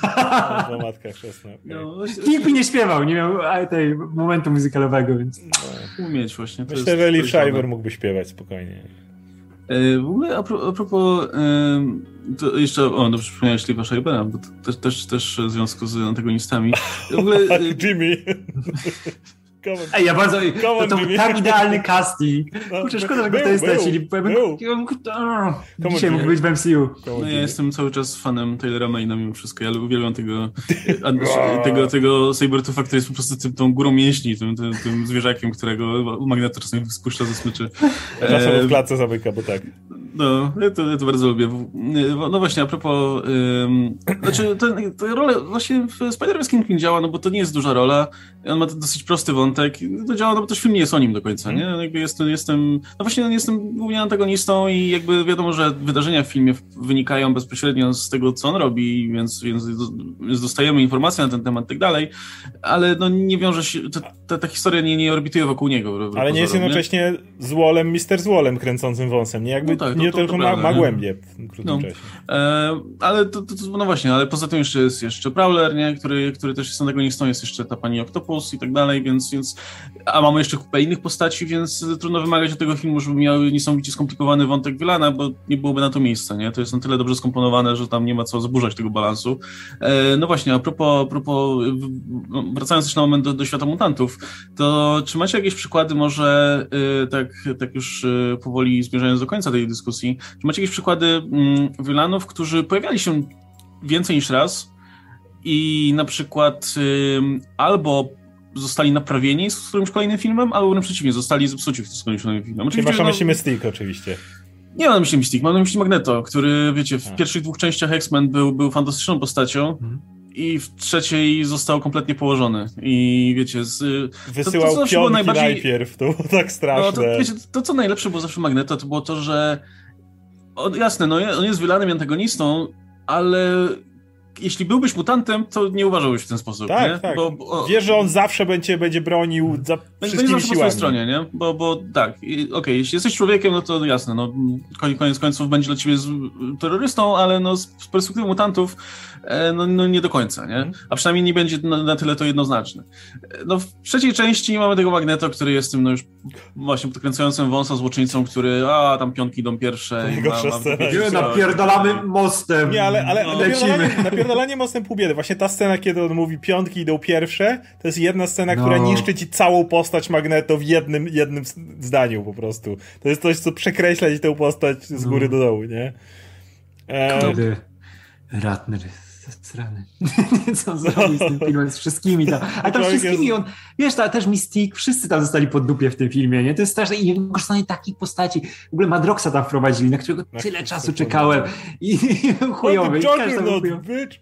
Dobra. Chyba dla mema. Dla mema go Tak, okej, okay. no ale właśnie, widzisz, Juggernaut jest ikoniczny. Dzięki tej jednej kwestii przeszedł jako legenda. Nie, no nie, nie zgodzicie się, że to jest... Ale nawet nie z tego filmu, tylko z mema wcześniej. Tak, wiem, Don't you know who I am? E, jeżeli jest ktoś, kogo by naprawili albo zepsuli z takich złoczyńców. Z filmów nie przychodzi mi do głowy nic konkretnego. Na pewno w serialach tak bywało, bo było więcej miejsca na psucie i naprawianie. A, ale jeśli chodzi o filmy, to nie było tak dużo złoczyńców, którzy mogliby mm. się pojawiać w więcej niż jednym filmie, więc trzymam kciuki, że w serialu She-Hulk naprawią Emila Blonskiego. Eee, bo jednak to była zmarnowana postać. Świetny aktor, który też był zmar... zmarnowany w tej roli. No, mam nadzieję, że Justina Hammera ktoś, ktoś naprawdę... Justina Hammera też miałby naprawdę... No, to czekamy cały czas. To jest moim zdaniem jeszcze lepszy aktor, a przynajmniej taki, którego ja tak, tak, bardziej tak, lubię i no i zupełnie zmarnowany jest w tym filmie. I znowu to powtórzę, to jest gość, który był idealny jako ten gość od technologii w serialu War Machine. To by było złoto, nie? Jeszcze jakby... E, no. I Rockwell... Mm. No, mogliby Ktoś go powiedzieć, że zepsuli Zimo, bo jednak się zmienił, ale jednak e, tak, nie ma, nie ma co, jakby tutaj oszukiwać. Zimo z Civil War i Zimo z serialu inne postacie. Jakby to, mm. to, to, to mógłby, mógłby to być jego daleki kuzyn, wiesz, Zimo przez dwa O na końcu, czy coś takiego i to i byś powiedział, że to jest inna postać, ale nie powiedziałbym, że go zepsuli, bo jeden i drugi jest ciekawy, więc no, nie, nie mogę powiedzieć, że jest zepsuty. No, w sumie. Więc no, nie przychodzi mi do głowy. Znajdują się ludzie, którzy, nie rozumiem ich zupełnie, ale znajdują się ludzie, którzy uważają na przykład, że Thanos został zepsuty z filmu na film, nie? Z, z Infinity War na Endgame, bo nie, nie pełni takiej roli jak, jak w Infinity, Infinity War. Nie.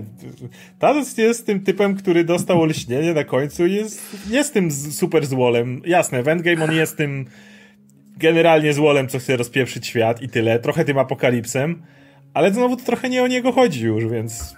Ale ten, ten z Endgame to go tam maczetami, ten z Infinity War jest... O, ten z Endgame, o. W ogóle mi to nie To jest, to jest moja filmoznawcza opinia, nie? Au, no. Znaczy, oczywiście, że jest ciekawszy, ale dlatego, że w Infinity War to jest jego film, a w Endgame to już nie jest jego film, więc No, jakby... ale kurczę, to jest takie odgrze... ja tego nie lubię właśnie tego odgrzania, że dobra, to jest ten, ten o, to jest ten młodszy troszkę Thanos, który tam, wiesz, inne ma podejście i ten, i... ale on jest taki nijaki, ten z Mi to w ogóle nie przeszkadza. On, według mnie Nie kompletnie działa w tym filmie. Bo znowu, to nie, to No, nie jest już... zupełnie. To już nie jest ten Thanos, który ma tą swoją filozofię i tak dalej, no bo, no nie, ale to już znowu nie jest film wokół Znaczy, wiesz, niego. ja wiem, że on jest narzędziem No przede jest. wszystkim w tym drugim filmie, I ale wiesz, ale przez to go maczetami, nie? No bo mój Thanos się skończył film wcześniej i tam jest zamknięty jego wątek, super. nie? Więc, yy, no mówię, jest za mało złoczyńców, którzy pojawiają się wielokrotnie, jednak przez długi czas Marvel miał też zwyczaj wysadzania swoich złoczyńców, zwykle konkretną, potężną eksplozją, więc trochę nie byłoby tutaj miejsca, żeby, żeby ich faktycznie naprawiać, także ciężko powiedzieć. No. Lo, Lo, Loki jest na przykład tym gościem, który od pierwszego filmu jest świetny. Nawet jeżeli pierwszy Thor miał spore wady, to tam Loki już był świetny, więc... No. Tylko on ma to przejście, nie? Jednak, że teraz jest tym antybohaterem, a jednak w pierwszym filmie Avengers, jak popatrzysz, to jest skończony No jest. skurwysyn. Największy Ale, skurwysyn ale, w całym dzięki MCU. temu, ale dzięki temu serial Loki tak dobrze działa i jego te rozmowy z Mobiusem na przykład, kiedy on mówi z czego to wynika i tak dalej, więc no. No. Pamiętam, jak Radek chwalił Endgame w prawie 3 godziny dyskusji na napisach. To były czasy.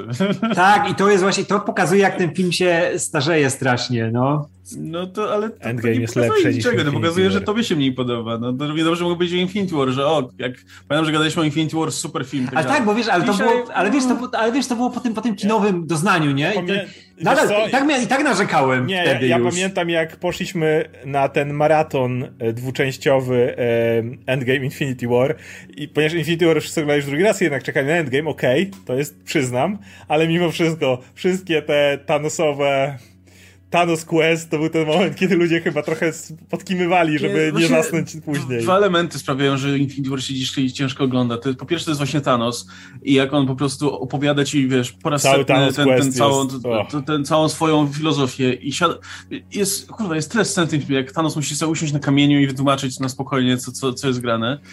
E, a druga rzecz, kurwa Thor i ten jego quest po młotek, że kurwa, to jest takie męczące. To, to on, prawda. Kurwa, te słońce musi odpalać, żeby, stu, Jakby, żeby jakby sama, Najlepsza jakby, scena. Nie, sama scena jest spoko, ale zanim oni to rozgrzeją, ten piec, Piękno. to tam 5 godzin mija. Piękno, Ja, ja, nie, ja nie mówię, że sama scena jest zła, jakby sama scena, okej, jest fajna, ta, tego, tego, tego motywu. przyjaźń Roketa i Ale to Tora to jest najlepsza godzin. rzecz i później do, podsumowanie tego przybyciem do Wakandy mm, najlepsza scena w ogóle w całym MCU. Wszystko tam jest perfekcyjne. Dużo powiedziane jak na jedną scenę. No nie za dużo powiedziane, to jest Więc- piękna przyjaźń. Wiecie, W dupę se wsadźcie to Endgame, Infinity War. No, nie Na tym się Marvel skończy. Już nie mówię o wywaleniu do kosza w ogóle wszystkiego, co Waititi napisał w y, Ragnaroku, nie? Ale to już tak swoją drogą. Przy, przy okazji. No przecież Czy- ktoś posprzątał. Czy tego, co Gunn napisał w, dla Starlorda w, w O Jezu, kurwa. Star-Lord, to tak z Infinity cały wątek zepsuło, Guardiansów Infinity War to jest do zaorania, totalnie jest No. to... A. No, to mamy temat na przyszły tydzień. Przeciw, przeciwieństwie Łukasz do wątku Nebuli w Endgame, nie? Który jest fajny. Jeden wątek No. tam macie w tym Endgame się cieszą jak dzieci, no. Fajno to Nebula, no. No, w przeciwieństwie Eee. do wątku Gamory i Quilla w Infinity War. Nie mówię, że to jest idealny film. Ma swoje wady, ale nie tak jak Endgame. No, no. Słuchajcie, za- zajrzę Dobrze. do tipów, bo Tak, widziałem, że. Konrad pisał, że, że, że pisał coś na temat, więc zaraz się do tego niesiemy. Ale tak... Czeka- O, czekajcie, czekajcie. Y, Przyszła do mnie paczka właśnie. Z, widzę, że z Instytutu Złoczyńców y, Filmowych. Patrzcie, zalakowana jest. I tutaj podobno, podobno jest napisane, że to jest odpowiedź na to, kto jest najważniejszym złoczyńcą i najlepszym. Zaraz zobaczymy. Jest nieotwierana. Teraz będzie unboxing, unpacking. Nie wiem, jak to się robi, ale, ale czekaj, czekaj, zobaczymy. O, patrzcie, czekaj, jeszcze jedno jest. I teraz zobaczymy, okaże się. No niemożliwe, patrzcie. Wygrał. Ale tylko, ale ta wersja, ta wersja Wow. konkretnie. No, Nie wiedziałem, że produkują No. takie nawet. mamy odpowiedź. To jest mój teraz najlepszy przyjaciel. Tak. Dowiem się skąd ma tę Nie wiem jeszcze w którym filmie był złoczyńcą, ale się zgadzam. Już Właśnie. Odpowiedziałem wam na pytanie, to jest wszystko. Nie tam Thanosy. Enchantress i Zod. To, to jest moja topka. A, kurwa, faktycznie, Enchantress. W ogóle w tym momencie, jak I Zod. tego Jokera mówię, i wspomniałem się o tym, że nie wiadomo, w tym filmie był. Mówię, kurwa, kto był faktycznie złoczyńcą w tym Suicide Squad pierwszym? I dopiero, z... a tak, Enchantress, no tak. I mówię, i, i, i, i, I pamiętam Cubus. jeden filmik, który widziałem u Radka na kanale, czyli Detektyw Zod.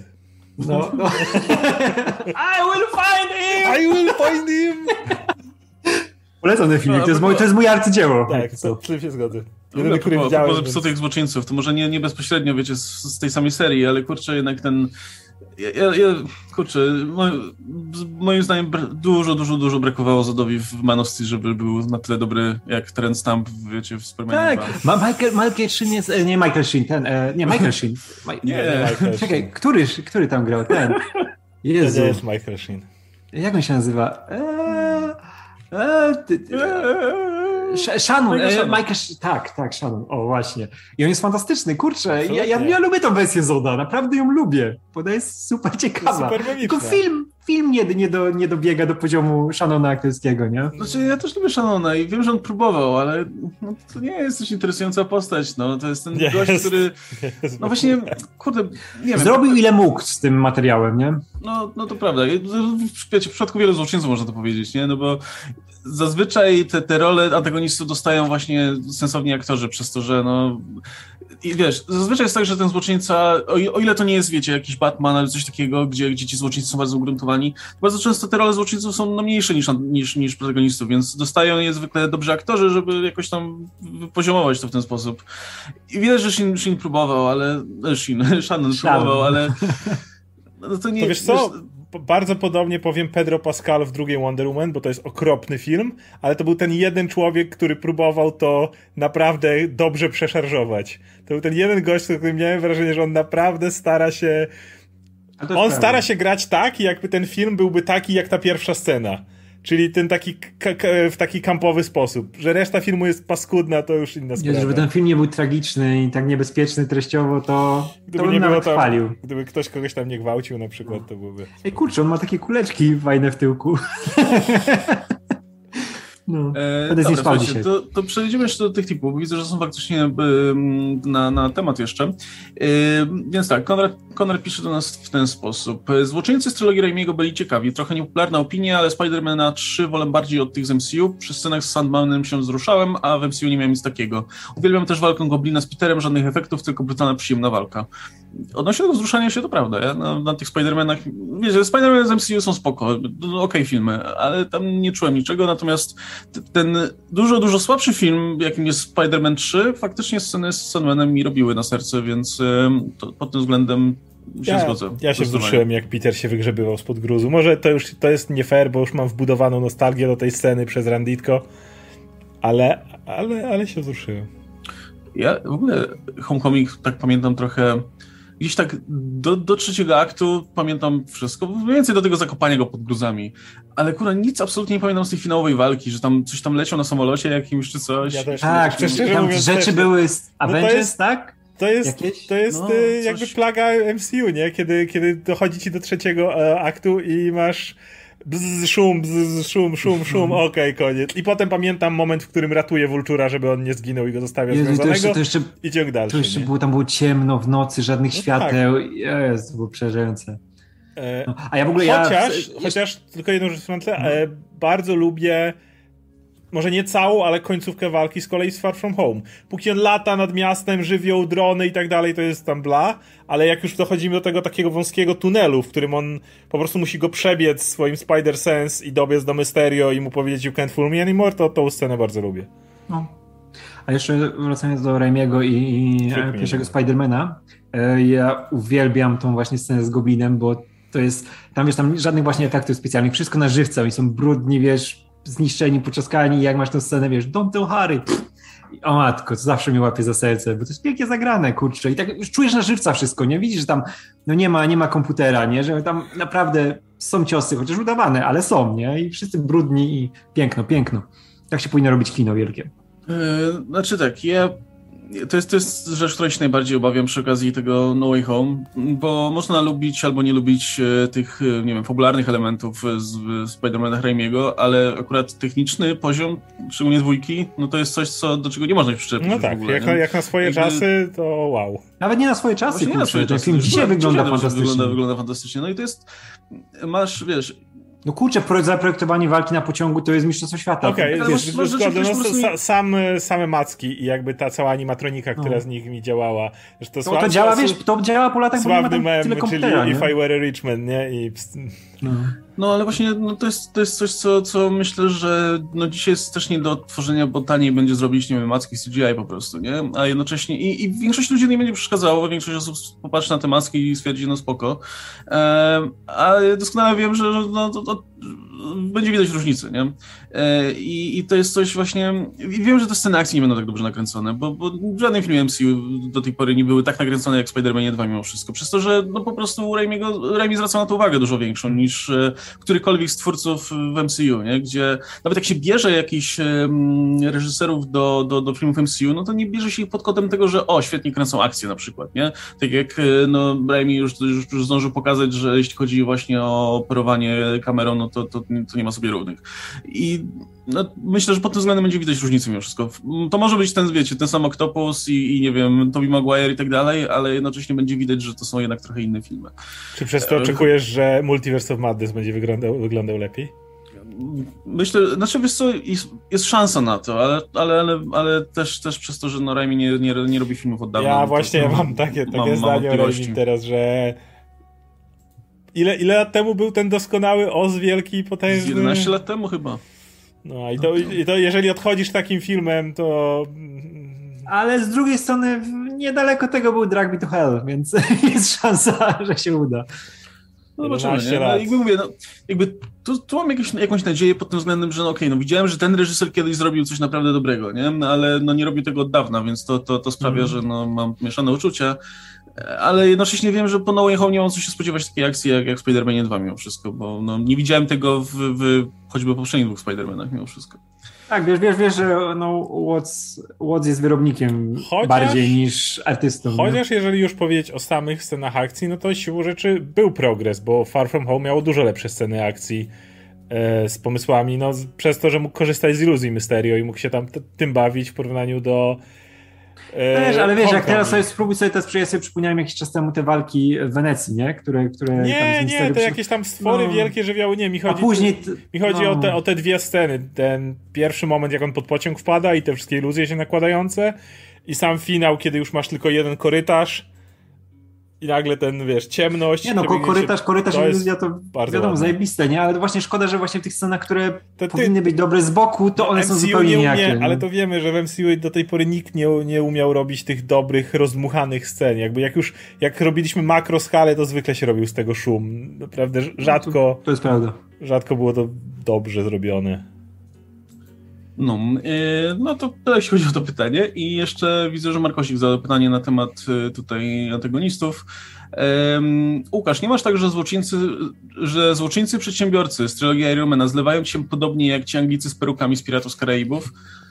Prawda? W sensie, bo ja nie wiem, kto był w którym filmie w obu Nie, nie. Jezu, to prawda. Ja mam w ogóle, ja mam, ja mam w głowie to, tą jedną postać tego Anglika w peruce, który po prostu pojawia się we wszystkich tych filmach. Się okazuje, że było ich trzech przynajmniej. To nie był ten sam? No, ja w ogóle kojarzę też tego typa, nie pamiętam, że było ich kilku. Pamiętam, że był, był antagonistą, w pierwszym był Barbosa, w drugim Davy Jones, nie? I tam w tej trilogii ogólnie był Davy Jones. Ale jeśli chodzi o tych Anglików, no. to oni tak dokładnie to ja myślałem, że wszyscy było. z tym trójkątem na głowie i ci sami, a to jednak się różnią, o kurczę. Ale nie, ale w Iron jednak rozpoznajesz, bo to byli konkretni aktorzy wtedy, nie? Tylko no, tak, ze względu na aktorów.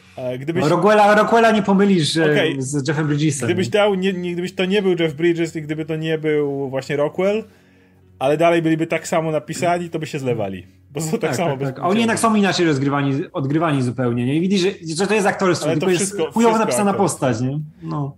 No i, no i jeszcze jak, jak się nazywał ten... E, Aldrich Killian. Killian. E, To, to, jest, to jest najgorsza geneza. Typ stał na dachu i się Ale też, ale też widzisz różnicę, bo to jest Guy, Guy Pearce, nie? I wiesz, że to jest Guy Pearce. Tak, ale... tak, ale wiesz, no, wyobrażam sobie, że jeśli ktoś w ogóle jak nie... zrobili brzydkiego No tak, ktoś nie zna, nie zna aktorów. aktorów. aktorów samych na przykład, nie? Jakby nie kojarzy aktorów aż tak, no to nie wiem, ten y, Justin Hammer z tym Adrianem, to, to jedna postać, no, no kurczę, tylko tak. no jeden tam wpadł do kadzi z napojem magicznym czy coś i... A no stał na dachu, zimno mu było. Tylko z też, też jednak tego Rockwella, który gra komedię, zostawia z Kilianem, który jednak próbuje to serio zagrać, to różnią się. Ale, ale czaje, czaje czemu? To są biali goście bogaci, którzy są źli, nie? No to jest właśnie, właśnie szkoda, że na jakimś etapie ktoś nie postanowił, wiesz, no myślę, że na poziomie tego trzeciego filmu warto by było dać Ironmanowi właśnie jakiegoś antagonista, który był z zupełnie innej bajki, a nie znowu kurwa, kolejny przedsiębiorca tutaj... E, tego, tego typa z lancą na koniu. On był zawsze super. Dreadnought, o tak. No ale właśnie... Porcupine. Czemu nie? No, ktokolwiek, po prostu ktoś, kto nie, nie byłby po prostu kolejnym Tonym Starkiem wannabe. A, no. a mieliśmy trzy filmy, gdzie mieliśmy postaci, tak. który o, chcę zastąpić Tonego Starka, bo... Kurczę, bo, bo, to, to jest Stark tych wszystkich tych, wiesz, Melterów, Living Coronów, nie, Living Laser, no właśnie, pierdołowatych wszystkich. No, więc no trochę tak. A propos Piratów z Karaibów, no to no właśnie, był James Norrington, tak? Tak się nazywa? Nie. Ja cię nie powiem. Nie powiem ci za cholerę. Ja tylko ci mogę powiedzieć tu tu tu tu tu tu James Norrington, to był ten, to był ten, który był w pierwszym filmie typem w peruce, a później stracił jakby pozycję, a później ją odzyskał u tego Jeden był, jeden Brytyjczyk był starszy, nie, niż ten młody, jeden, jeden młody i stary. I był jeden był niższy. Tak coś pamiętam, że jeden był taki, taki niższy gość był. No. Ja wiem, że był młodszy i starszy. Ale Jonathan Price grał jednego, tak, tak, tak. I Dave Paul był ten młodszy, a Price był no, Jonathanem Price'em.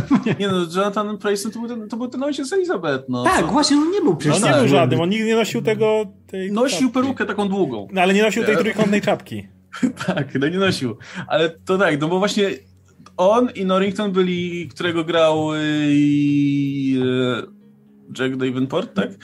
Oni byli w pierwszym filmie i ten Norrington, on pamiętam, że stracił pozycję, a potem ją odzyskał u innego typa w peruce, który był ważniejszym typem w peruce, który był, niższy, który, pamiętam, na, który był do końca już potem, do, do, do tej trzeciej tak, części. Tak, tak. Ja pamiętam, pamiętam, że pamiętam, że pamiętam taką scenę, że on ma ten statek i oni tam pływają wokół tego wiru i się gdzieś tam strzelają i do niego statek tak wybucha i on tak idzie po tym statku. Ja, pamiętam, że te postacie były tylko po to, żeby stać i o nie, co ten Jack Sparrow wyprawia, co wariat. Łajdak jeden. I tak, płynie w ten wir, płyniemy za nim, jesteśmy Brytyjczykami. Tak. Wiesz, no, no, ale miałeś, ten, miałeś... ten trzeci ty w peruce miał, miał ładną scenę śmierci. No, i, no, ale to, co oni mogli? Miałeś, miałeś Bill, był Bill Nye, był ten, Barbosa. Um, Jeffrey Rush. Jeffrey Rush. Jeffrey Rush. Ma, masz dwóch po prostu takich aktorów, no to, to, to sorry, no to tam no, no, nie wystartujesz do nich za łatwo, jak, jak oni są antagonistami. No, to, to prawda, ale no dlatego pamiętamy ich jako ludzi w peruce, no. To tyle zasadniczo. Kurde, szukam cały czas tego typa. Jak się nazywał ten, ten ostatni typ? Już pewnie ktoś na czacie napisał. Eee, tak, Beckett. No, no, Beckett. Tylko no. jak, jak on miał na imię? Beckett. Nie miał imienia, idź, idź, idźmy, dalej, idźmy dalej, proszę, nie, nie zajmujmy się typem w peruce z Piratów z Karaibów 3. Ale jeszcze nie pamiętam, kto O, Cutler Beckett, który za chuja mnie sobie nie musiałem wygooglować. Okay. E, kto, kto go grał jeszcze tylko? Tom Barbo Hollander. Barbosa był najlepszy. No oczywiście, że był najlepszy, bo jedynka to jest ten film, który jest dużo ponad wszystkimi pozostałymi. No. No, to prawda. A tam zawsze mieli szczęście tych złoczyńców głównych, nie? Że to jednak no, byli ciekawi aktorzy. Bill Nye, nie? To tak też. Zawsze, akurat zawsze był ten Bill pirat, który, przecież te... którego rzucono klątwę i teraz ma armię y, morskich zombie. A fakt, potem Ale zawsze dobrego aktora dali. Potem, potem wzięli y, Javiera w y, piątce, który był przeklętym piratem z armią zombie. zupełnie, zupełnie coś nowego. tym samym typem po prostu, Jezu. Dokładnie tym samym typem. Aż się, aż się dziwię, szczerze mówiąc, że nie robili kolejnej kontynuacji zamiast, zamiast nie, nie wiem, że to było lepsze, ale to jest coś, co Hollywood zawsze robiło, że nie zrobili po prostu prequelu z typu Młody Barbossa młody, i Młody Jack Sparrow. Młody Barbossa i Młody Jack Sparrow, absolutnie, to jest coś tak bardzo stylu Hollywood. To wiesz, w tych um, fantastycznych zwierzętach to przecież dokładnie o to chodzi, nie? No dobra, słuchajcie, to tak. Yy, zostało nam jeszcze około tam 11-10 minut, więc lecimy z, z tymi ogólnymi pytankami. Yy, I widzę, że są też takie dotyczące MCU na przykład, więc to też się ładnie tutaj składa. Więc tak. Yy, widzę, że. E, okej, okay, Marysia wysłała tipa o 007, więc zostawimy go sobie też do, do naszego omówienia. Myślę, bo to się pewnie też pisze, pisze w, w to omówienie. Więc zapraszamy w czwartek pewnie, znając życie. I teraz tak, Oskar nie bibliotekarz. E, spóźniony tip za sierpień i wrzesień. Za to koszulka ze sklepiku dotarła bez opóźnień i jest świetna. Dobrej jakości materiał, rozporządny i wykonany na druk. Pozdrawiam i życzę wszystkiego najlepszego całej ekipie e, napisów końcowych. O, super, dziękujemy za tutaj info, bo... Yy no fajnie, że fajnie, że tutaj osoba poza nami mówi, o, że, że koszulki są dobrej jakości, bo są. no i dziękujemy również za, za wsparcie, jest nam tutaj bardzo, bardzo w związku z tym miło. E, no i zachęcam oczywiście do zajrzenia na, na, na sklepik e, i, i, i sprawdzenia tutaj nadruków i, jako, i ich jakości osobiście. Mm, Nes z Lochu pisze do nas tak. Całej ekipie napisów końcowych przesyłam podziękowania prosto z serducha za miłe towarzystwo podczas prowadzenia auta, sprzątania, gotowania, jedzenia, mycia okien, a nawet zasypiania. PS odnośnie zasypiania nie jesteście nudni, a po prostu tak mam. E, ja się nie dziwię, ja też tak mam, że ja, jak, e, jak, jak się muszę położyć spać sam, no to, to, to lubię coś puścić w tle, bo jakoś tak e, łatwiej mi odpłynąć po prostu, wiecie, w sen, jak, jak coś, coś gada do mnie. Więc a jednocześnie też tak mam, że się już tak w zasadzie uzależniłem od słuchania czegoś, jakichś materiałów wideo, jakichś podcastów i tak dalej w trakcie właśnie, nie wiem, gotowania najczęściej albo sprzątania, że byłoby mi ciężko w tym momencie robić to bez nie, słuchania czegoś. Ja jak śpię, to potrzebuję ciszy i to jak najbardziej absolutnej, ale z kolei y, jeśli chodzi o słuchanie, to jak gram w jakąś grę, która nie, nie ma super zaangażowanej fabuły, którą muszę śledzić, tylko można pobiegać, postrzelać, pozabijać, po, po, pociachać czy coś tam, to praktycznie po pięciu sekundach, nawet jeżeli gameplay jest spoko, to i tak się nudzę, jeżeli jeszcze nie puszczę sobie czegoś w tle do słuchania. Yy, no dobra, yy, Marysia S. Historia Łukasza ze zgubieniem się na meczu bardzo mnie poruszyła. Aż przypomniała mi się moja własna przygoda. Okej, okay, dobra, to będzie pewnie mrożąca krew w żyłach, więc przygotujmy się. Miałem około 6 lat, to była zima. Moja własna matka zostawiła mi pod bankiem na, jak się potem okazało, ponad pół godziny. Kurwa, o Jezu, jaka trauma. Ja... O. Autentycznie. Przywiązała sanki przed wejściem i kazała na siebie czekać. No i ja biedna siedziałem tam na tych sankach i czekałam. Czas mijał, kolejni ludzie wychodzili, a ona nie. W końcu się rozpłakałam i stwierdziłem, że moja mama mnie zostawiła. Przywiązała sanki do jakiejś rury i zostawiłam jak psa pod bankiem. Poszła i już nie wróci. No więc stwierdziłam, że idę do domu. Tylko, że w domu nikogo nie było, więc zdecydowałam, że idę do babci. A to było ponad pół godziny drogi na piechotę. Wyobraźcie to sobie, zima, sypie śnieg i sześcioletnie dziecko idzie samo i ciągnie ze sobą wielkie sanki. Nikt się nie zainteresował. Gdy przyszłam do dziadków, oboje się oboje się rzucili, na, rzucili mnie całować i przytulać. Okazało się, że mama z tego banku wezwała policję, że porwali jej dziecko razem z sankami. Wow. Swoją wycieczką do dziadków, na, e, swoją wycieczką do dziadków narobiłam wszystkim strachu. Ale niczego nie żałuję. Nie zostawię się sześcioletniego dziecka samego na pół godziny pod bankiem. To prawda. Do tej pory to mamie wypominam. Później już nawet w sklepie ani na chwilę nie puściła mojej ręki. To prawda. Eee, Okej, okay, to Dobrze się mama czegoś nauczyła. No tak. Ja tutaj Jezus. totalnie uważam. Dzieciaka nie powinno się na tyle zostawić pod, pod, pod sklepem w żadnym wypadku. Na 5 ja, minut jakie... wiesz, jak chcesz coś wejść na szybko, wyjść, obrócić czy coś takiego. Ale jak masz jakiekolwiek sprawy do załatwienia, come on. To moje, ja, ja jak byłem mały i ten i, i ja nie, nie potrafiłem, to było jakiś czas przedszkolne ja nie, nie potrafiłem sam w domu zostać, nie? bo mama mi sam wychowywała i jak gdzieś wychodziła, to ja wiesz, od razu strach i w ogóle, nie? Przez, Wszystko niszczyłeś. Przez pierwsze wczesne lata. Nie, nie, nie, nie, ja się bałem. Ona wychodziła najszczęściej, jak gdzieś zasypiałem, nie? To wtedy ten, wyszła i ten, i, i, i ten. Albo jak byłem w przedszkolu, to wiadomo. Ale fajnie, że kiedyś wyszła, ja byłem chory, wiesz, z gorączką, leży zimą, nie? Ona wyszła po leki, tylko nie niedaleko, nie? Ja się budzę, nie ma mamy w domu, mówię, koniec, nie ma, opuściła mnie, zostawiła, nie? Zniknęła, ktoś ją porwał, coś. Oczywiście, jak wiesz, Kevin sam w domu, Rambo, wszystko w jednym. Wziąłem, wiesz, zebrałem się wiesz, w majtkach, w jakiejś koszulce, otwarłem okno na śnieg, poszedłem szukać, nie? Wiesz, z gorączką, nie? Na śniegu moja matka wraca, dobrze, że była blisko z tej apteki, nie? Wraca, patrzy, a ja w ulicy biegam w majtkach. Szukając jakiś psychol, nie? jak ja bym tam, jak ja bym gdzieś poszedł i bym gdzieś tam pod krzakiem zamarz. To nie jest śmieszne w sumie. No nie jest, ale wow, to jest... Próbowałem, próbowałem znaleźć, no. No, potem już się nie bałem. Nie, ale Jezu, tego typu historie są, są tak traumatyczne. No. Właśnie ta historia w ogóle Marysi jest, jest tak traumatyczna, bo ja pamiętam te wszystkie momenty, kiedy, nie wiem, stałem z mamą w sklepie i moja mama mówi, czekaj tutaj na chwilę, tylko skoczę jeszcze po coś tam, nie? A Nagle... Tutaj, kurwa, kolejka się posuwa do przodu i do kasy, a ja tutaj stoję z tymi zakupami i nie wiem, kurczę, wiesz, okay. tam, nie wiem, minęły dwie minuty czy coś, a ja, kurwa, już dramat, no bo co, jak przyjdzie moja kolej, co ja pani powiem, że nie mam, nie mam pieniędzy, czy co?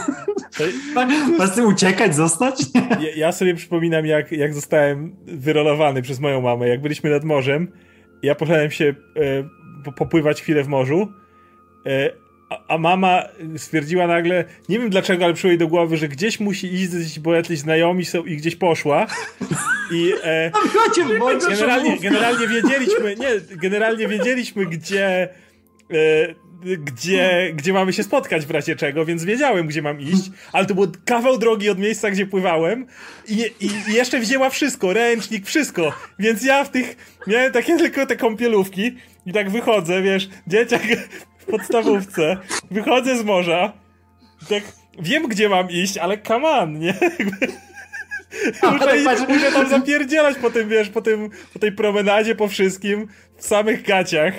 Tak mama... potem, potem, potem byłem, no, nie byłem zadowolony. Mama, patrz, tak nie, nie wypływa coś? To idę do znajomych. nie, no wiesz, to, to, to, taplałem się przy, wiesz, przy, przy brzegu, nie? Tam gdzieś przy falach, gdzie, gdzie można dna dotykać. Nigdzie tam nie wypływałem. Ale, ale jednak wtedy inaczej, inaczej wychowanie było... wyglądało, nie? Trochę tak. Jezu, to brzmi jak taka najgorsza wymówka. Jakbym, jakbym kiedyś chciał zostawić swoje dziecko na, wiesz, na pastwę losu, to bym powiedział, o, moi znajomi są, poczekaj, tutaj, tutaj poszedł i no, Dokładnie. Nie, no mówię, mieliśmy ustalony punkt spotkania, więc jakby to, to, to, to było tak, jakby, jakby jej tam nie było, to wtedy dopiero byłoby źle. Była, ale musiałem przejść kawał drogi, więc... Karty przy moja, Nawet moja mama zostawiła mnie kiedyś na komisariacie i sobie poszła. Jezu, to najgorsze. To już jest Okej, okay, to wygląda to, że najgorszymi antagonistami są jednak rodzice, nie? którzy mm, tak. zostawiają dzieci chociażby na minutę. Wiesz, e... najgorsze, my wtedy zawsze wracaliśmy, nie? że oni może nas próbowali zostawić, ale wiesz, człowiek zawsze znalazł drogę do domu. No, e, no właśnie, widzę, że, że nie tylko ja miałem historię. No, myślę, że akurat pokoleniowo dzielimy, dzielimy tę traumę, traumę związaną z tym, jak rodzic zostawia nas przy kasie i idzie, bo zapomniał, nie wiem, grejpfruta i musi iść po niego i wiesz, i stoisz i czeka i widzisz, jak ta kolejka się zbliża i zbliża i zbliża i a, a, a w co gotuje. ty nie masz pieniędzy, ty jesteś małym gnojem, nie możesz tego powiedzieć, co powiesz? Mama będzie zaraz, a jak nie będzie, to co? No dokładnie. Ze wstydu w ogóle i Absolutnie. No, Znałem, więc... znam, znam z autopsji bardzo dobrze. No, e, no, a przy okazji widzę, e, witamy Magdalenę w gronie wspierających, także dziękujemy bardzo. Dziękujemy, bardzo. Tak. E, no dobra, to w takim razie może zmienimy temat coś przyjemniejszego, to jest, to jest bardzo, bardzo nieprzyjemne. Ym, dobra, yy, Konrad. Oskar, to tradycyjnie, czy obejrzałeś pilot Transformers Prime? Yy, a że pewnie nie, to Radek, czy widziałeś kiedyś Transformers Animated? Ale takie klasyczne? Ale tak, takie, klasyczne, klasyczne? To, to każdy widział. To, to każdy tak. widział jakby chyba. No ja miałem, ja miałem na kasetach, oglądałem w telewizji, byłem wielkim fanem. Transformers The Movie to jest w ogóle najpiękniejsza animacja w historii. Oglądałem najwięcej razy, jaki film oglądałem. Może ogólnie film, to był właśnie Transformers The Movie. Ja pamiętam, że go się zawsze brało w piątek z wypożyczalni, bo wtedy miało się na cały weekend. Dopiero się w niedzielę odnosiło, tak. I to, to był naj, naj, najlepszy deal. No kocham Transformers te klasyczne, no było tak durne i tak piękne i tak epickie i wszystko było w tym tak dobre i tyle postaci było do wyboru i Optimus był taki Mój ulubiony motyw to jest gdzieś, nie widziałem mema, bo już tego nie pamiętałem, jak Transformersy się za coś przebierały, żeby się gdzieś dostać, jak myślisz, ale mogły, mieli. Ale mogły zmienić się w samochody. Tak, tak, tak. I w prochowcach chodzili, tak, pamiętam chodzili w prochowcach, ale mogli no. zmienić się w samochody. W ogóle w tych, w, kom, w komiksach, nie pamiętam czy animacji, w komiksach był taki Transformer, który myślał, że jest detektywem i chodził w prochowcu sobie ubzdurał, no to, to jest su, su, super motyw. Nie, ale uwielbiałem i uwielbiam Grimlocka, bo się zamieniał w Tyrannosaura. Mi Grimlock King! Kocham, kocham. A nie, animaty z 2007 roku. A to nie, to tego, tego, tego nie pamiętam za cholerę. To jest jeszcze dalszy ciąg. Pamiętam jak w Armadzie na Polsat e, Beast Wars czy Kosmicznej Wojny nie widziałem. Zaczęli tłumaczyć nazwy e, na, e, no, tak, nazwy własne pewnie Transformerów. E, na przykład Starscream, Krzykotron, e, Jetfire Myśliwiec, było. Hotshot Piorunus. Ale takie, takie ambitne te nazwy, nie? Tak, tak żeby były e, stylistycznie podobne. E, doceniam bardzo. Pamiętam też jak w Justice League Booster Gold był złoty wzmacniacz. Było, było, Slash było. wytrysk. Złoty wytrysk? To nie, no chyba tego nie nazwałem. Ale złoty wzmacniacz to by miało sens, w sensie, no tak się, tak to można przetłumaczyć No, faktycznie, ale no, no nie brzmi to dobrze jakoś specjalnie. E, A wa Vandal Dzikos to do dzisiaj jest używany. Vandala To jest- Jest, jest. Mówiliśmy o tym ostatnio, że on jest w animacjach. Czekaj, złoty wzmacniacz i niebieski żuk, czy tam... e, To, bo, bo, bo Blue Beetle No, no, no. też... Ale wiesz, ale ten niebieski żuk to jeszcze okej, nie? Ale złoty wzmacniacz. Złoty Zresztą, wzmacniacz. też to... Choćby w lidze młodych. Pokazuje to, jak głupie, głupie nazwy są dobre, jak brzmią obco. No to, to prawda, nie? Znaczy, Mm. to jest tak, że jak, jak, jak jakaś nazwa po prostu się zapisze w świadomości, to nikt nie zwraca uwagi na to, że brzmi głupio, nie? No. Do, do dziś żartujemy, że liderem The New Warriors był Night Thrasher. To brzmi tak, ale to znaczy, no, tryb, co daje ci w pierdol nocą? Ja nie wiem do końca, jak to... Noc, nocny wpierdol. No ty coś pierdol, takiego. pierdolnik, no, no. Wpierdolnik, no. E, I pytanko, czy Visions już widzieliście? Mm, Ja dalej e, tylko te dwa odcinki. E, U mnie ranking jest tak, Rhapsody, najbardziej wholesome, e, Nine Jedi, największy potencjał na budowę świata, kim je obchodzi, czy kanon, czy nie, ważna jest historia. E, e, e, co tu jest? E, e, e, Village Bride. Był taki odcinek? Był, był, był. To był czwarty, Czwarty rok wiem, że ludzie pochwalą. Okej. Tak, taki był E, super, naprawdę. powolne, spokojne pokazanie świata. Duel, tutaj w nawiasie jest Kurosawa i, i, i Lopi Oko. To, to Duel to ten pierwszy chyba, tak? Bo to Tak, widziałem. tak, tak, tak, tak. Ja mi się strasznie podoba Visions. O tym kiedyś pewnie pogadałem przy okazji, jak wszyscy zobaczą, nie? Bo to jest naprawdę fajny projekt i ono e, przywrócił mi miłość do Gwiezdnych Wojen. Te, drugi odcinek, gdzie mają koncert, Koncert u, widziałem.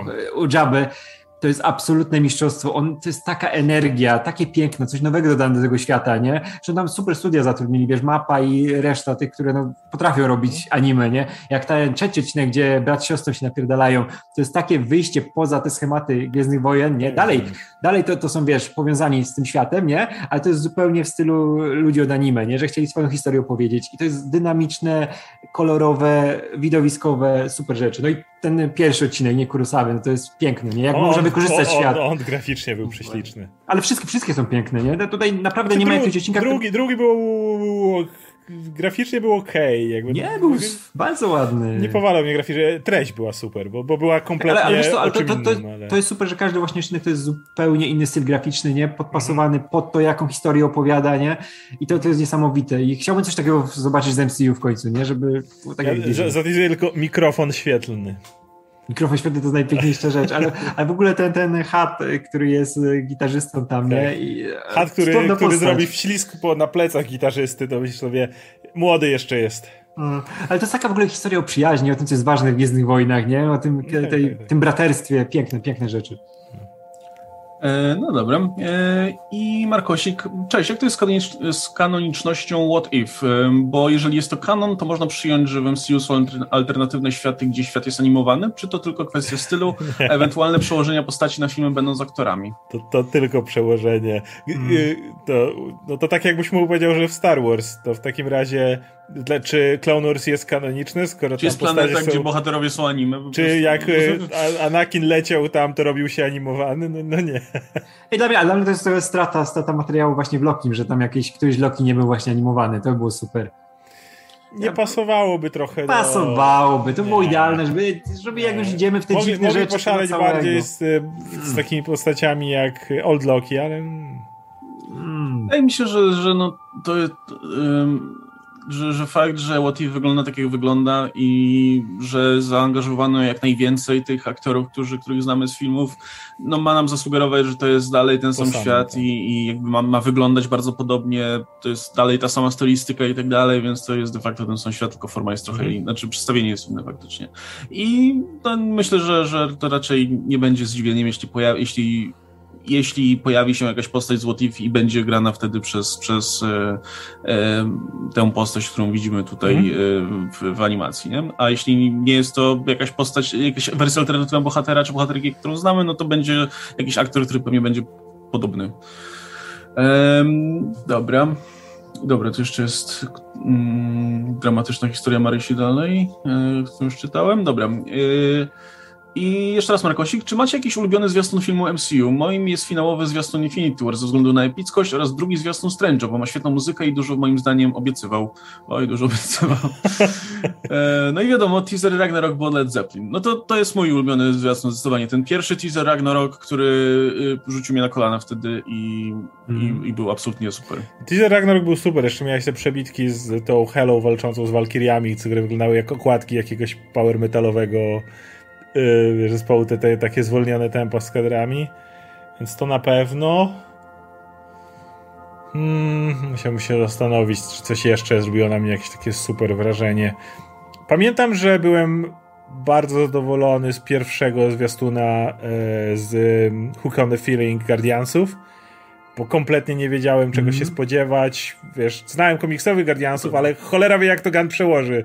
Mógł mieć różne wytyczne, mógł mieć różne pomysły.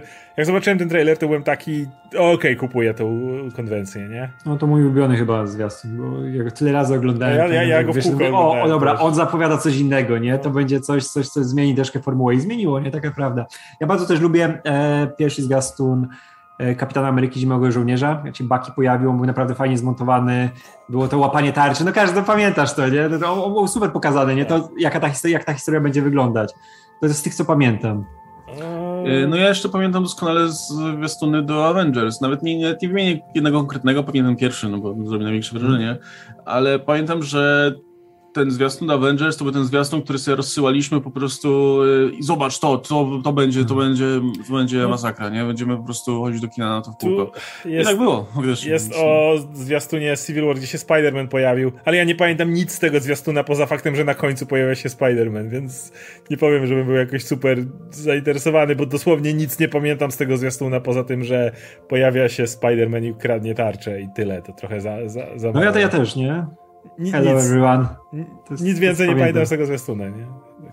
Trochę no, znaczy, pamiętam, pamiętam te, to były te sceny na lotnisku, które ludzi trochę zbiły z tropu, że tak tam skaczą na siebie ci bohaterowie i, i wygląda to jakoś specjalnie spektakularnie. Tylko, że myślę, że wtedy ta dyskusja niepotrzebnie się rozbijała o to, ile postaci jest w tej walce, a nie o to, że ta walka nie wygląda jakoś specjalnie dobrze. Nie? Obowiązkowo muszę przypomnieć, że do jednego z fajniejszych superhero filmów, to prawda nie MCU, czyli First Class, były najgorsze trailery w życiu po prostu. Te takie no. smutne. Zanim był profesorem X, był Charles. No, kurwa, to cała kampania Zanim był Magneto, był Eryk. Jak to oglądasz, też, to, te plakaty, gdzie... Fuck, te plakaty, one były tak, one były...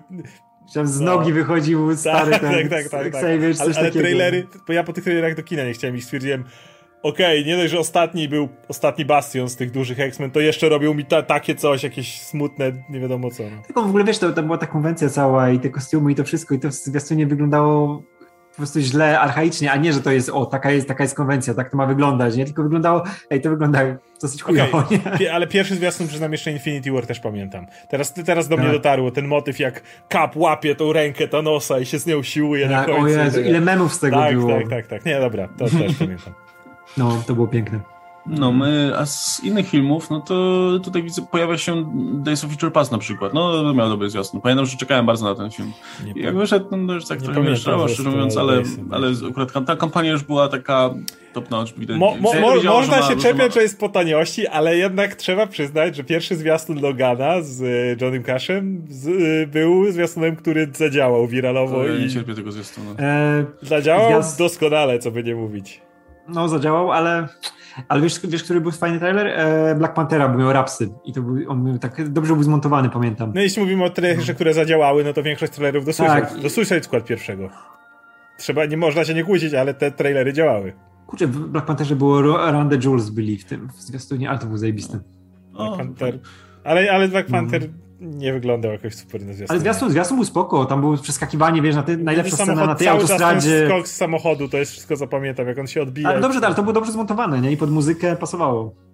O, ogóle, wiem. Wiecie, co, wiecie, tak, co jest... tak, pierwszy zwiastun Avengers 2, No Strings on Me, poważna historia, Avengers są zbici, Ultron ich pokonuje.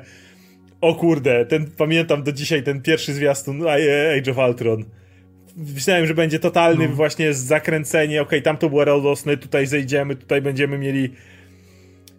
Dostaliśmy co innego, ale pamiętam ten zwiastun. Ja tutaj, tutaj na, na, boku tylko powiem, bo, bo sobie warto obejrzeć. E, jeśli chodzi o rzeczy związane właśnie z promocją i, i z tym, jak te filmy powinny być troszkę przymontowane i rzeczy zmienione, to e, Patrick Williams zrobił teraz świetny wideo essay o tym, czemu dzisiaj powinny powrócić e, napisy początkowe, wiesz, takie zajebiste, jak zawsze były przez lata, nie? Teraz się od tego odchodzi trochę, mamy tę nolanizację, że tytuł tylko na końcu filmu, nie? Nie ma już tych, tych e, nazwisk, wszystkiego i Marvel zrobił najgorszą rzecz na świecie, bo to jest zajebiste sekwencje widowiskowe, graficznie fajne, ustawiające cię pod film, dają pod film Adiego, dają na koniec, to powinno być, ja sobie teraz przypomniałem, wiesz, jak wygląda ta, ten ending titles z Black Panthera, nie? To jest Mistrzostwo Świata. ale jest... nie, z masy, kurde, z Civil War, te wszystkie znaczki, które się Kapitan. Ameryka i Zimowy Żołnierz, to ci ustawia cię pod film Nawet i od razu chcesz to oglądać. jak miałeś te wodne figury, które się tak. pojawiają. I wiesz, jakby tam usunąć te rzeczy, które ci fabułę spoilerują, nie? Tylko dodać, e, spoilują, tylko dodać coś, co no, cię zachęca do filmu, to by było Mistrzostwo Świata, myślę, nie? Zamiast że, tego, że... że może nie wszystko, ale na przykład y, jest jeden film, który miał na sekwencję napisów początkowych, to był Guardians of the Galaxy 2. Tak, właśnie i, I też i, Mr. Sunshine to, to, to było jakby... William za tym mówi, nie, że Gunn to jest jedyny, jedyna osoba, która robi filmy Marvela, która zachow- zrobiła sekwencję początkową, no i, bo oczywiście i w pierwszych strażnikach drugich. Star-Lord to jest moja jedna z ulubionych Który włączył narrację, nie, ale zachował Tańczący to... Star-Lord to jest jedna z moich ulubionych scen w, w, historii MCU w ogóle. Tak, tak, tak, a ja jestem, jestem wielkim fanem napisów początkowych, które mają właśnie muzykę, te wszystkie czołówki no. Bonda przez lata, nie, co najpiękniejsze rzeczy na świecie. Come Get. Your Love to jest, to jest ten moment, mówię, nie, nie, nie pamiętam, żeby był jakikolwiek inny moment w MCU, w którym bym po prostu stwierdził od razu tak. na początku filmu, okej, okay, ostatnio w Shang-Chi jak był pojedynek między Wenwu i jego późniejszą żoną, tak, tak, tak, to były tak, jedne tak. z niewielu, kiedy film się ledwo co zaczął, a ja już jestem wciągnięty i myślę, tak, chcę to oglądać. I próbuję ci ustawić, tylko nie było aż tak dużo tych rzeczy, szkoda, nie? Ale właśnie jakby ten, jak ja pamiętam to w Strażnikach, jak się pojawia wielki napis Strażnic Galaktyki i masz I hej, hej, hej, absolutnie.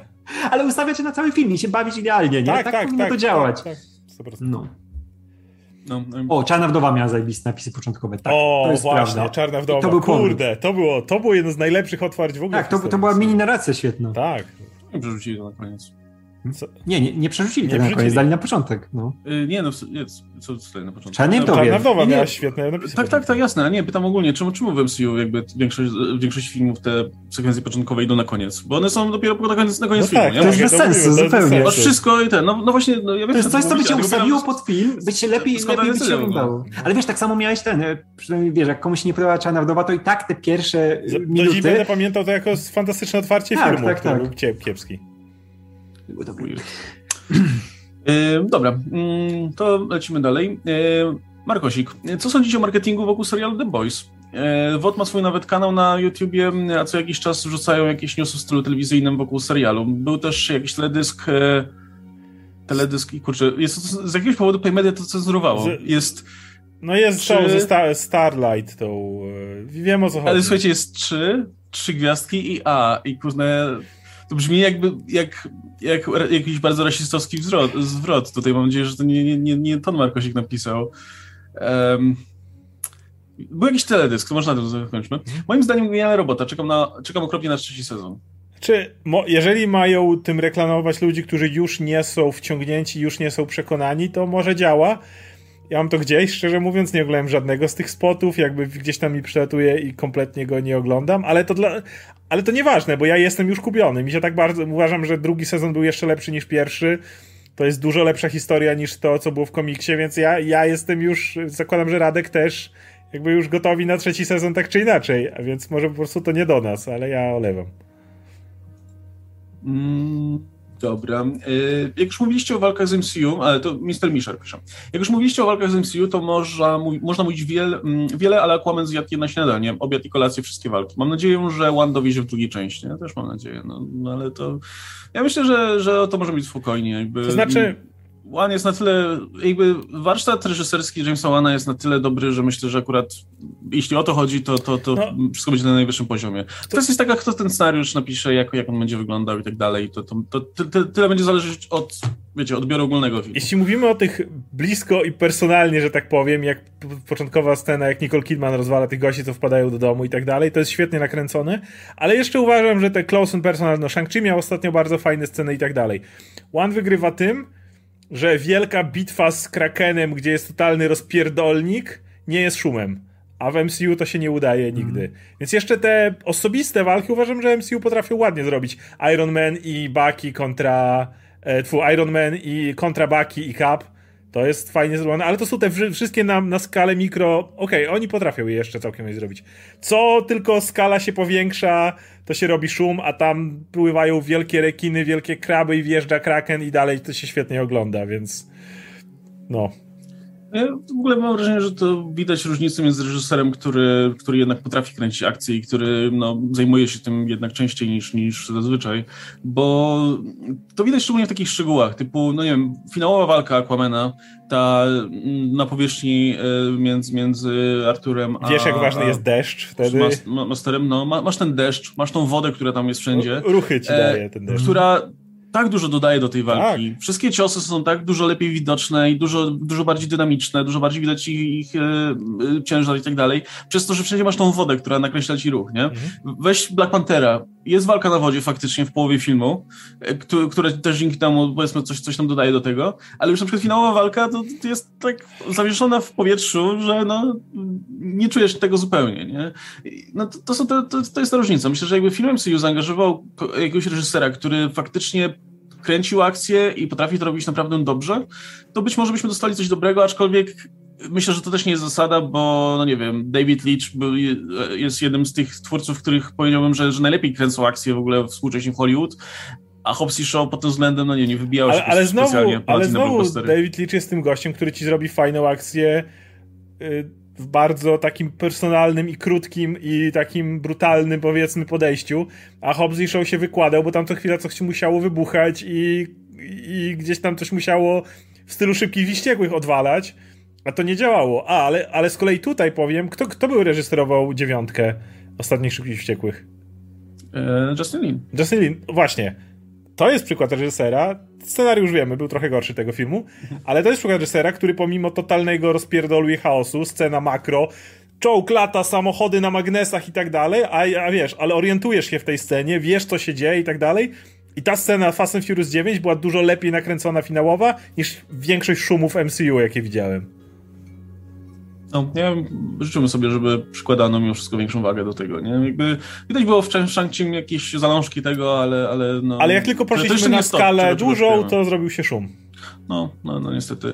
Tam jest, y, ostatnio też y, z Pawłem gadaliśmy o tym przy, przy jakiejś tam okazji, z Pawłem Opydo, że y, y jak Paweł oglądał jakiś, Paweł nie widział filmu Shang-Chi, ale widział jakieś materiały za kulis przypadkiem i, i dziwi się strasznie, że że jest, y, z czym się zresztą zgadzam, że bardzo często jest tak, że za, za, widzisz te materiały zakulisowe i widzisz, że faktycznie tam są, nie wiem, ludzie na, na linkach i tak dalej i rzeczy się faktycznie dzieją na planie, niekoniecznie w CGI, ale potem w postprodukcji nakładają na to tyle efektów, jakiegoś właśnie szumu, jakichś mhm, dymów mm, i tak dalej, że to wygląda potem jak, wiesz, wygenerowane komputerowo. I z shang jest tak wielokrotnie też, że masz pewnie, wiesz, kaskaderów i, i wiesz, sceny, które, które wymagały masy wysiłku i, i żeby je nakręcić, a później a zostają zawalone potem tymi wszystkimi efektami, mm. tym, tym color readingiem i tak dalej i to wygląda potem no strasznie ale, sztucznie. Nie? Ale też prawda jest taka, że ciężej jest krę kręcić te sceny na przykład z efektami. Popatrzcie na najnowszy Suicide Squad, gdzie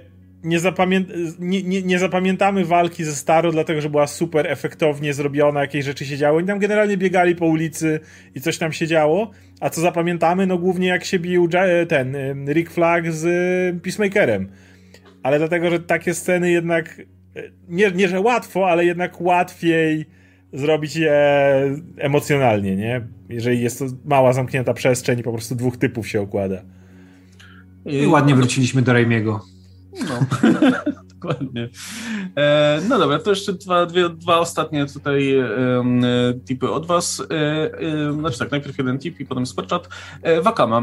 Trochę już czasu minęło, więc chciał, chciałbym prosić o chociaż krótkie omówienie Star Wars Visions. Odcinki są między 13 a 19 minut, więc dalibyście radę, a naprawdę warto. Chociaż żeby Radek dał swoje top 3, bo wiem, że widział.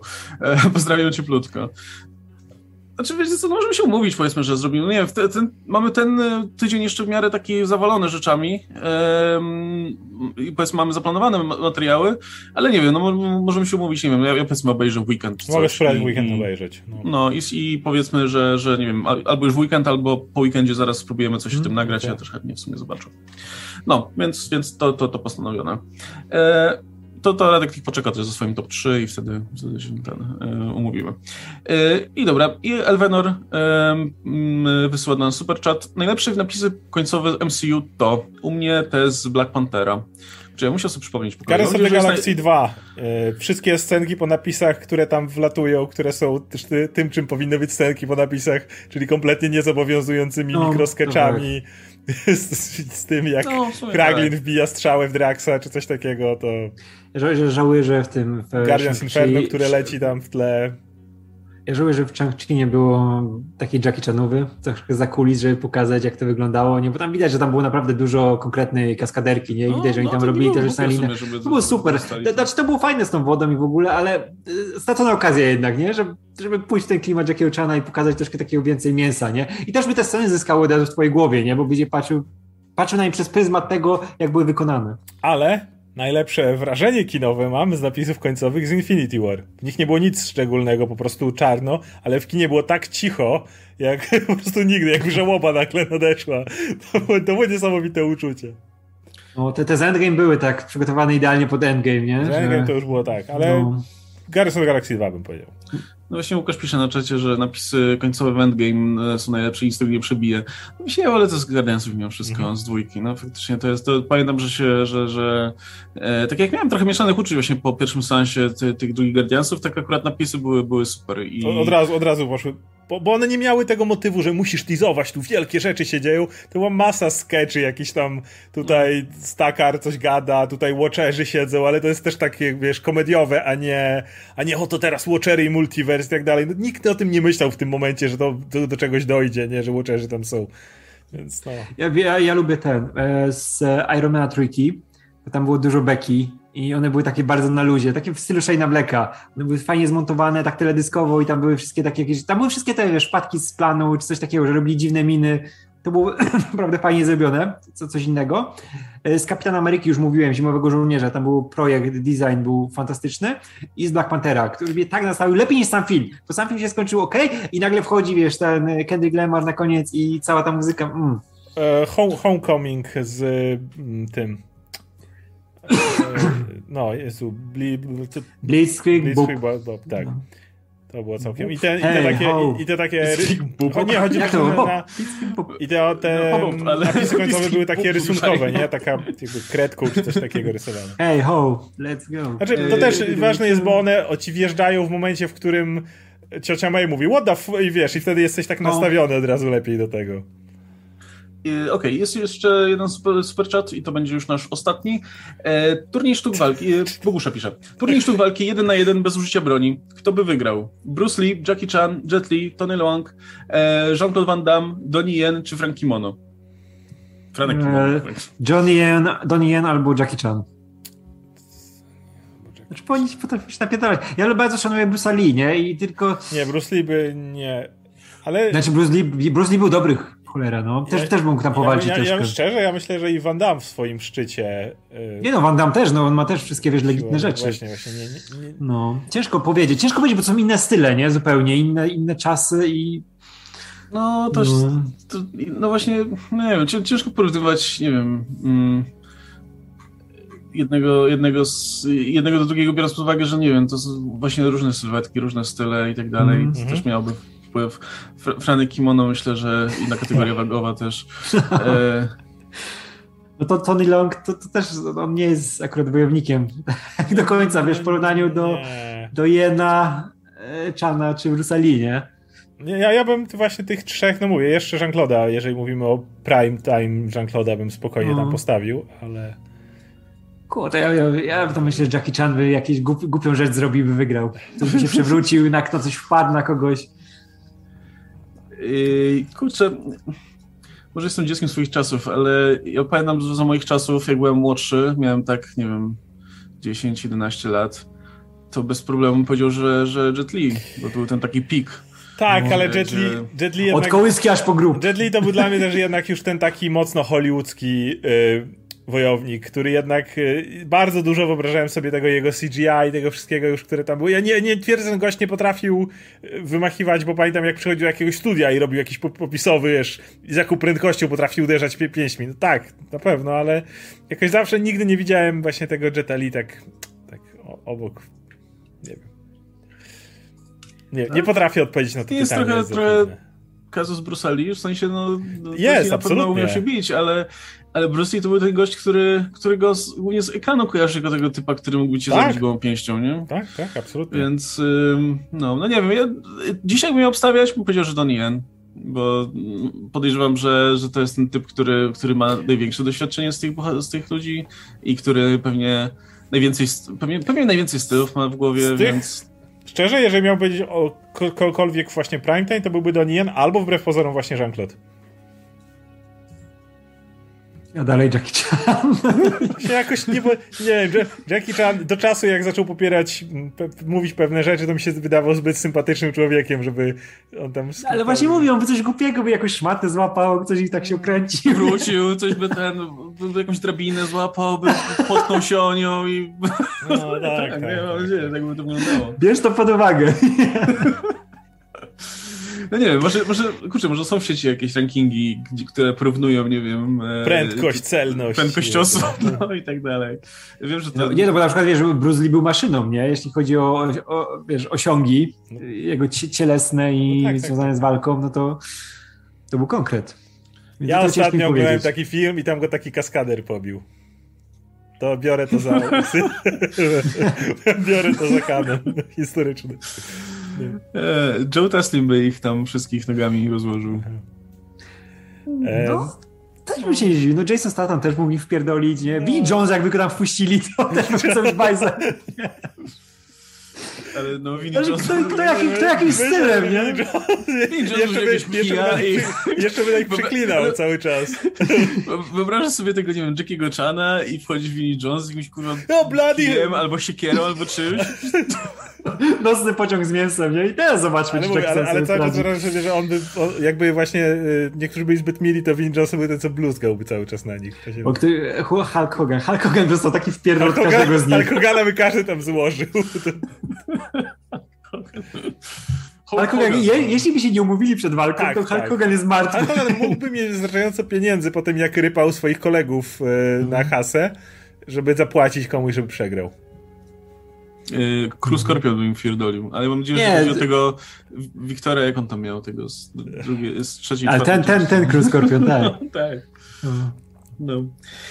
No. Dobra, słuchajcie, to, Jezu, to na, tym, na tym e, skończymy dzisiejszy czat, e, czat, stream i, i dziękujemy w takim razie wam bardzo za pytanka, za, za tipy i super czaty. No, Nicolas Cage. No, Nicolas Cage, myślę, bo ja, ja myślę, że on byłby w stanie wszystkich przestraszyć. Po prostu jakby on zaczął robić, jak on zaczął że... cage'ować, to już spierdolili po prostu. Nikt by, ten tryb, ten tryb, wiesz, ja do tego typa nie podchodzę. Steven Seagal, no, Steven Seagal by zrobił to, co zawsze robi. tak rękami. ale, ten, ale ten dzisiejszy Seagal koniecznie. Steven, Steven Seagal był umarł w biegu, no to jest prawda. oby, oby nawet nie dzisiaj, nawet w tym 88. Jak, jak biegał ze swoim samym stylem zaciśniętych pośladów. Umarł jakby z krzesła musiał Moja ulubiona jest ta anegdota, jak on się chciał bić na jakiejś imprezie z Van Damme, nie? Tak, pamiętam. I Van Damme wyszedł, że powiedział, że spoko, Steven Seagal uciekł. Albo kiedyś od kogoś dostał, jego, dostał tam w brzuch tak. czy coś, bo miał nie markować ciosu przy, na, na jakimś planie i się zesrał, nie? I to proszę. Ja, nie wiem, mam te takie pokazowe y, walki Sigala, gdzie on tak stoi i tak ledwo, ledwo oddycha i tak ludzie podchodzą do niego, on, on... tak i tak próbuje. Uwielbiam, uwielbiam jego ten, ten... Jak ludzie celowo próbują się przewracać. Jak, jak on robi, jak on robi cię kopniak z półobrotu i widzisz, jak ta noga nawet nie podjeżdża na wysokość, żeby kogoś twarz kopnąć do końca. To jest taki, wiesz, taki piruet. Ha! I ta noga się obraca razem z nim. Jest w ogóle, jest, jest w ogóle taki ten e, youtuber e, Apage Wolf, coś takiego, nie? Który ma filmik o tych wszystkich gościach sztuk, sztuk walki, którzy wie, że robią te właśnie rzeczy, że oni tam tylko mocą odpychają, czy coś takiego, nie? I to jest tak genialne, bo masz tych wszystkich mistrzów, którzy do tego starego podchodzą, mówisz, fu, wszystkich odrzuca, nie? Później ktoś naprawdę ma z kimś walczyć, dostaje jeden cios i się składa, nie? W ogóle mistrz przez lata, który był wielkim tym guru jakiejś tam szkoły, nie? To jest niesamowite. No, ale ja już kiedyś wrócić do tych wczesnych filmów Seagala, bo one są urocze też y, i Fajnie się ogląda. Jak, jak biega, uwielbiam jak on biega zawsze, nie? On tak, I on tak poślady zaciskał na maksa. Tyranozaur, no. Że po prostu miałeś wrażenie jakby on go goni, nie wiem, może to był jego metod acting, że po prostu zawsze jak miał potrzebę biec do kibla, to był ten taki moment i wiesz, i biegnie, bo zawsze miałem wrażenie, że on do łazienki biegnie jak biegnie. Ja się zarek No, on nie, ma taki wzrok świetny, jak on tak mówi coś, tak patrzy w dal, tak mruży oczy zawsze. To jest takie... Ja, ja kiedyś pamiętam, miałem, miałem spis mądrości Stevena Seagala, te jego wszystkie o, no. teksty z tych filmów, jak na przykład nie, nie mój kochany to jest... jak jeleń, ucieknie od Wiedla jest jak jeleń, tak, to jest, to jest absolutnie Pamiętam najlepsze. to do dzisiaj, to jest mój to jest... życiowy. Wiedza jest jak jeleń, to jest, to jest coś, co, co według czego żyję generalnie. Za, zareklamuję tak. się, polecam mój pierwszy film na kanale, który, który mam, jeden z pierwszych, to jest właśnie nasza perspektywa z Kubą, robiliśmy i z Arturem, obejrzeliśmy wtedy 30 filmów Sigala na przestrzeni dwóch lat bodajże i ja jestem Sigaloznawcą, nie, nie będę ukrywał. Znam wszystkie epoki w ogóle, możemy kiedyś o tym pogadać i, i tam jest cała, cała moja wiedza o Sigalu, ale to jest straszne, wiesz, prze, przejechać całą jego filmografię, to jest po prostu koszmar. No, nie, nie, nie, chciałbym tego drugi raz zrobić. Okres polski jest ja, naprawdę ja, dziwny. Ja, ja skończyłem na cudzoziemcu mniej więcej, więc... Tak, to, to jest okres polski. No ja, ja, ja, to był mnie chyba, jeden, chyba albo jed, ostatni, albo jeden z ostatnich filmów z Seagalem. To jest najbardziej creepy fabuła, jak tam masz tą dziewczynkę, która do niego listy pisze tego zabójcy, nie, taka mała i nagle ona przestaje pisać, a zabójca ja jedzie tam do się, Polski mordować. Się spotykają pod Pałacem Kultury, a potem w jakimś lesie są, kurde, nie wiadomo gdzie. Tak, tak, tak, te zdjęcia Pałacu Kultury tak na hama wciśnięte. Tak, ja mieszkam w Warszawie, to tak nie wygląda. No. W ogóle wiesz, ten, ten pałac kultury jak ten, jak Tardis, nie? Że w środku większy tak, tak, tak. te pomieszczenia wszystkie, nie? To było bardzo dziwne. Ech, no, to prawda. E, w ogóle, a propos, jeszcze, jeszcze taka mała dygresja jedna, bo Radek ostatnio grał w Ghost of Tsushima. E, nie wiem jak ty, ale ja za każdym razem jak widziałem Villana tej gry, Kotunkana, Kurwa, Steven Seagal. To Steven tak Seagal, że Steven Seagal. Nawet to zachowanie jest takie mocno Seagalowskie, no, nie? Taki, taki jest taki teatralny i tak, tak wiesz. Taki kołduniarz i za każdym razem ucieka na koniec. I no. musisz na następną wyspę, następną część wyspy, żeby go dogonić, bo nie chce z tobą walczyć. A na końcu już nie może uciekać, nie? Bo już na statku jest. Jak mają, ma być jakaś adaptacja filmowa do tego, kurwa, no nie będzie Steven Seagala i bardzo żałuję, ale to jest to idealny po prostu, i, i, idealny odtwórca, bo on był tak podobny. Jeszcze jak właśnie były te takie sceny, jak on gadał z tym wujem. Takie pierdoły zupełnie. Coś, no, on tak, tak filozoficzne o życiu coś tam, nie? Że... To totalnie Seagal. No, Steven Seagal. W ogóle, no. kurczę, muszę do Machete wrócić. Tam Steven Seagal właśnie, Machete to był ostatni film z Seagalem, jaki widziałem. To był, i to, to świetna rola swoją drogą. I, i ja, świetnie ja, wykorzystany Steven Seagal, który był tym ja widziałem, bossem, który... Ja widziałem też... Z tym bossem, który mówi wiesz, że nikt go nie może zabić, tylko on sam siebie może zabić. Patrz. Jak stwierdza, że nikt go nie pokona, więc on sam siebie zabije, bo on tylko... Panowie, ja widziałem 16 ostatnich mhm. filmów Stevena Seagala, gdzie grał snajpera, bo mógł leżeć cały film na dachu. Idealnie. Kocha, w ogóle jest ten film, gdzie on gra z Tysonem. Gra to, wiesz, to jest pierwsze 5 minut filmu, gdzie się biją na tych cięciach, że nie widać, że to oni nawet, nie? Nie są oni właśnie, nie? To widać, że to właśnie nie spotkali się nawet nigdy. To jest, to jest 5 minut filmu i to jest koniec, a później Steven Seagal jedzie przez pustynię z flagą Chin, z jakimś Chińczykiem i wielkie Chiny, piękne Chiny. O, to jest, Jezus, to jest najgorszy człowiek na świecie. Nienawidzę Stevena Seagala. To jest straszny. Obejrzę wszystko, co wyjdzie jego, ale Ej, nienawidzę człowieka. Jesteśmy w jakimś jesteśmy klimacie politycznym, nie będziemy w to teraz chodzić, ale to jest, wiesz, wielki fan Batiuszki, więc... więc jakby, no kurczę, jak on jak to jest z tego to, to Łukaszenki, to, to te marchewki daje, to tutaj, tutaj o, się, jak się, siedzą, siedzą na tym jeziorkiem na ławeczce razem. Tak. Tu masz, masz kartoszku, beautiful. tu nasze kartoszku, nie? Kartoszku, to, ja, kartoszka. To jest tak paskudny człowiek. Dobre, dobre to marchewkę, jak marchewkę ten wielki królik cholerny, nie? nie to jest, Nienawidzę Steven To jest, to jest zły człowiek. E, no. No, jest, y, tutaj jest, y, na, na czacie pisze Jamluski, że początkowe filmy Seagala stawiane na realizm. No właśnie, dlatego... Magiczny ludzie... chyba, no proszę. Pamiętasz, w jakim był to jest źle powiedziane, ale właśnie Seagal był tym takim no taki ten zwykły typ, co tam wygląda, ma ten kucyk i wygląda tak, tak. zwyczajnie, nie? Dlatego, dlatego ludzie kupowali te filmy, a później to się, a później Seagal sam kompletnie chyba nie kumał, o czym, o czym są jego filmy, bo w jakim filmie był motyw, że gang oczywiście czarnoskórych próbuje mu ukraść samochód, odchodzi, włącza alarm i oni uciekają bez, bez żadnego... To prostu... chyba w Niko było właśnie. Niko ponad prawem, tak. No. No. Jest ja pamiętam później te liberatory, super kucharz na pociągu. I, e, wchodzi do pociągu, w pociągu do kuchni zawsze byłem dobry w kuchni. Więc musiał ten tekst rzucić, jakiś, który w ogóle nie ma żadnego sensu, ale nagle zawsze byłem dobry w kuchni. No, to tym miłym akcentem w takim razie zakończymy. Po, powrócimy może do tego tematu. Zostańcie, zostańcie z myślami o Stevenie Seagalu w, tak, Seagalu w takim razie. Um, Albo nie. I, I, może wrócimy do tego tematu faktycznie. No, a ty, tymczasem dziękujemy bardzo wam za uwagę. Myślę, że w środę się widzimy najwcześniej, a później pewnie w czwartek i piątek też będą materiały, mamy o czym, o czym mówić. W piątek będzie finał e, What If, e, What If robimy, nie? Więc mhm. pogadamy no, o całej serii. w środę pewnie z Radkiem pogadamy o Bondzie, więc w czwartek Musimy pogadać o Bondzie. to od razu, tak, żeby miał w miarę aktualne. no i, i a, w, a w środę ich będzie niespodzianka w takim razie. no i, w takim, i tak, jak, tak jak mówiliśmy, pewnie w przyszłym tygodniu wrócimy do, do tematu Star Wars Visions. no, a tymczasem życzę wam miłego wieczoru, dziękuję wam bardzo za udział, za tipy, superchaty i tak dalej. Zachęcamy jeszcze raz do, do um, zajrzenia do, do, naszego sklepiku, a także do wspierania naszego kanału. Teraz jest opcja, można tutaj pod filmami jest, jest przycisk wspieraj. E, zresztą dzisiaj e, dwie chyba osoby dołączyły w trakcie streamu, także dziękujemy bardzo jeszcze raz. No, a my widzimy się w takim razie jeszcze raz, znaczy widzimy się w środę. Powtórzę jeszcze raz, e, trzymajcie się, cześć.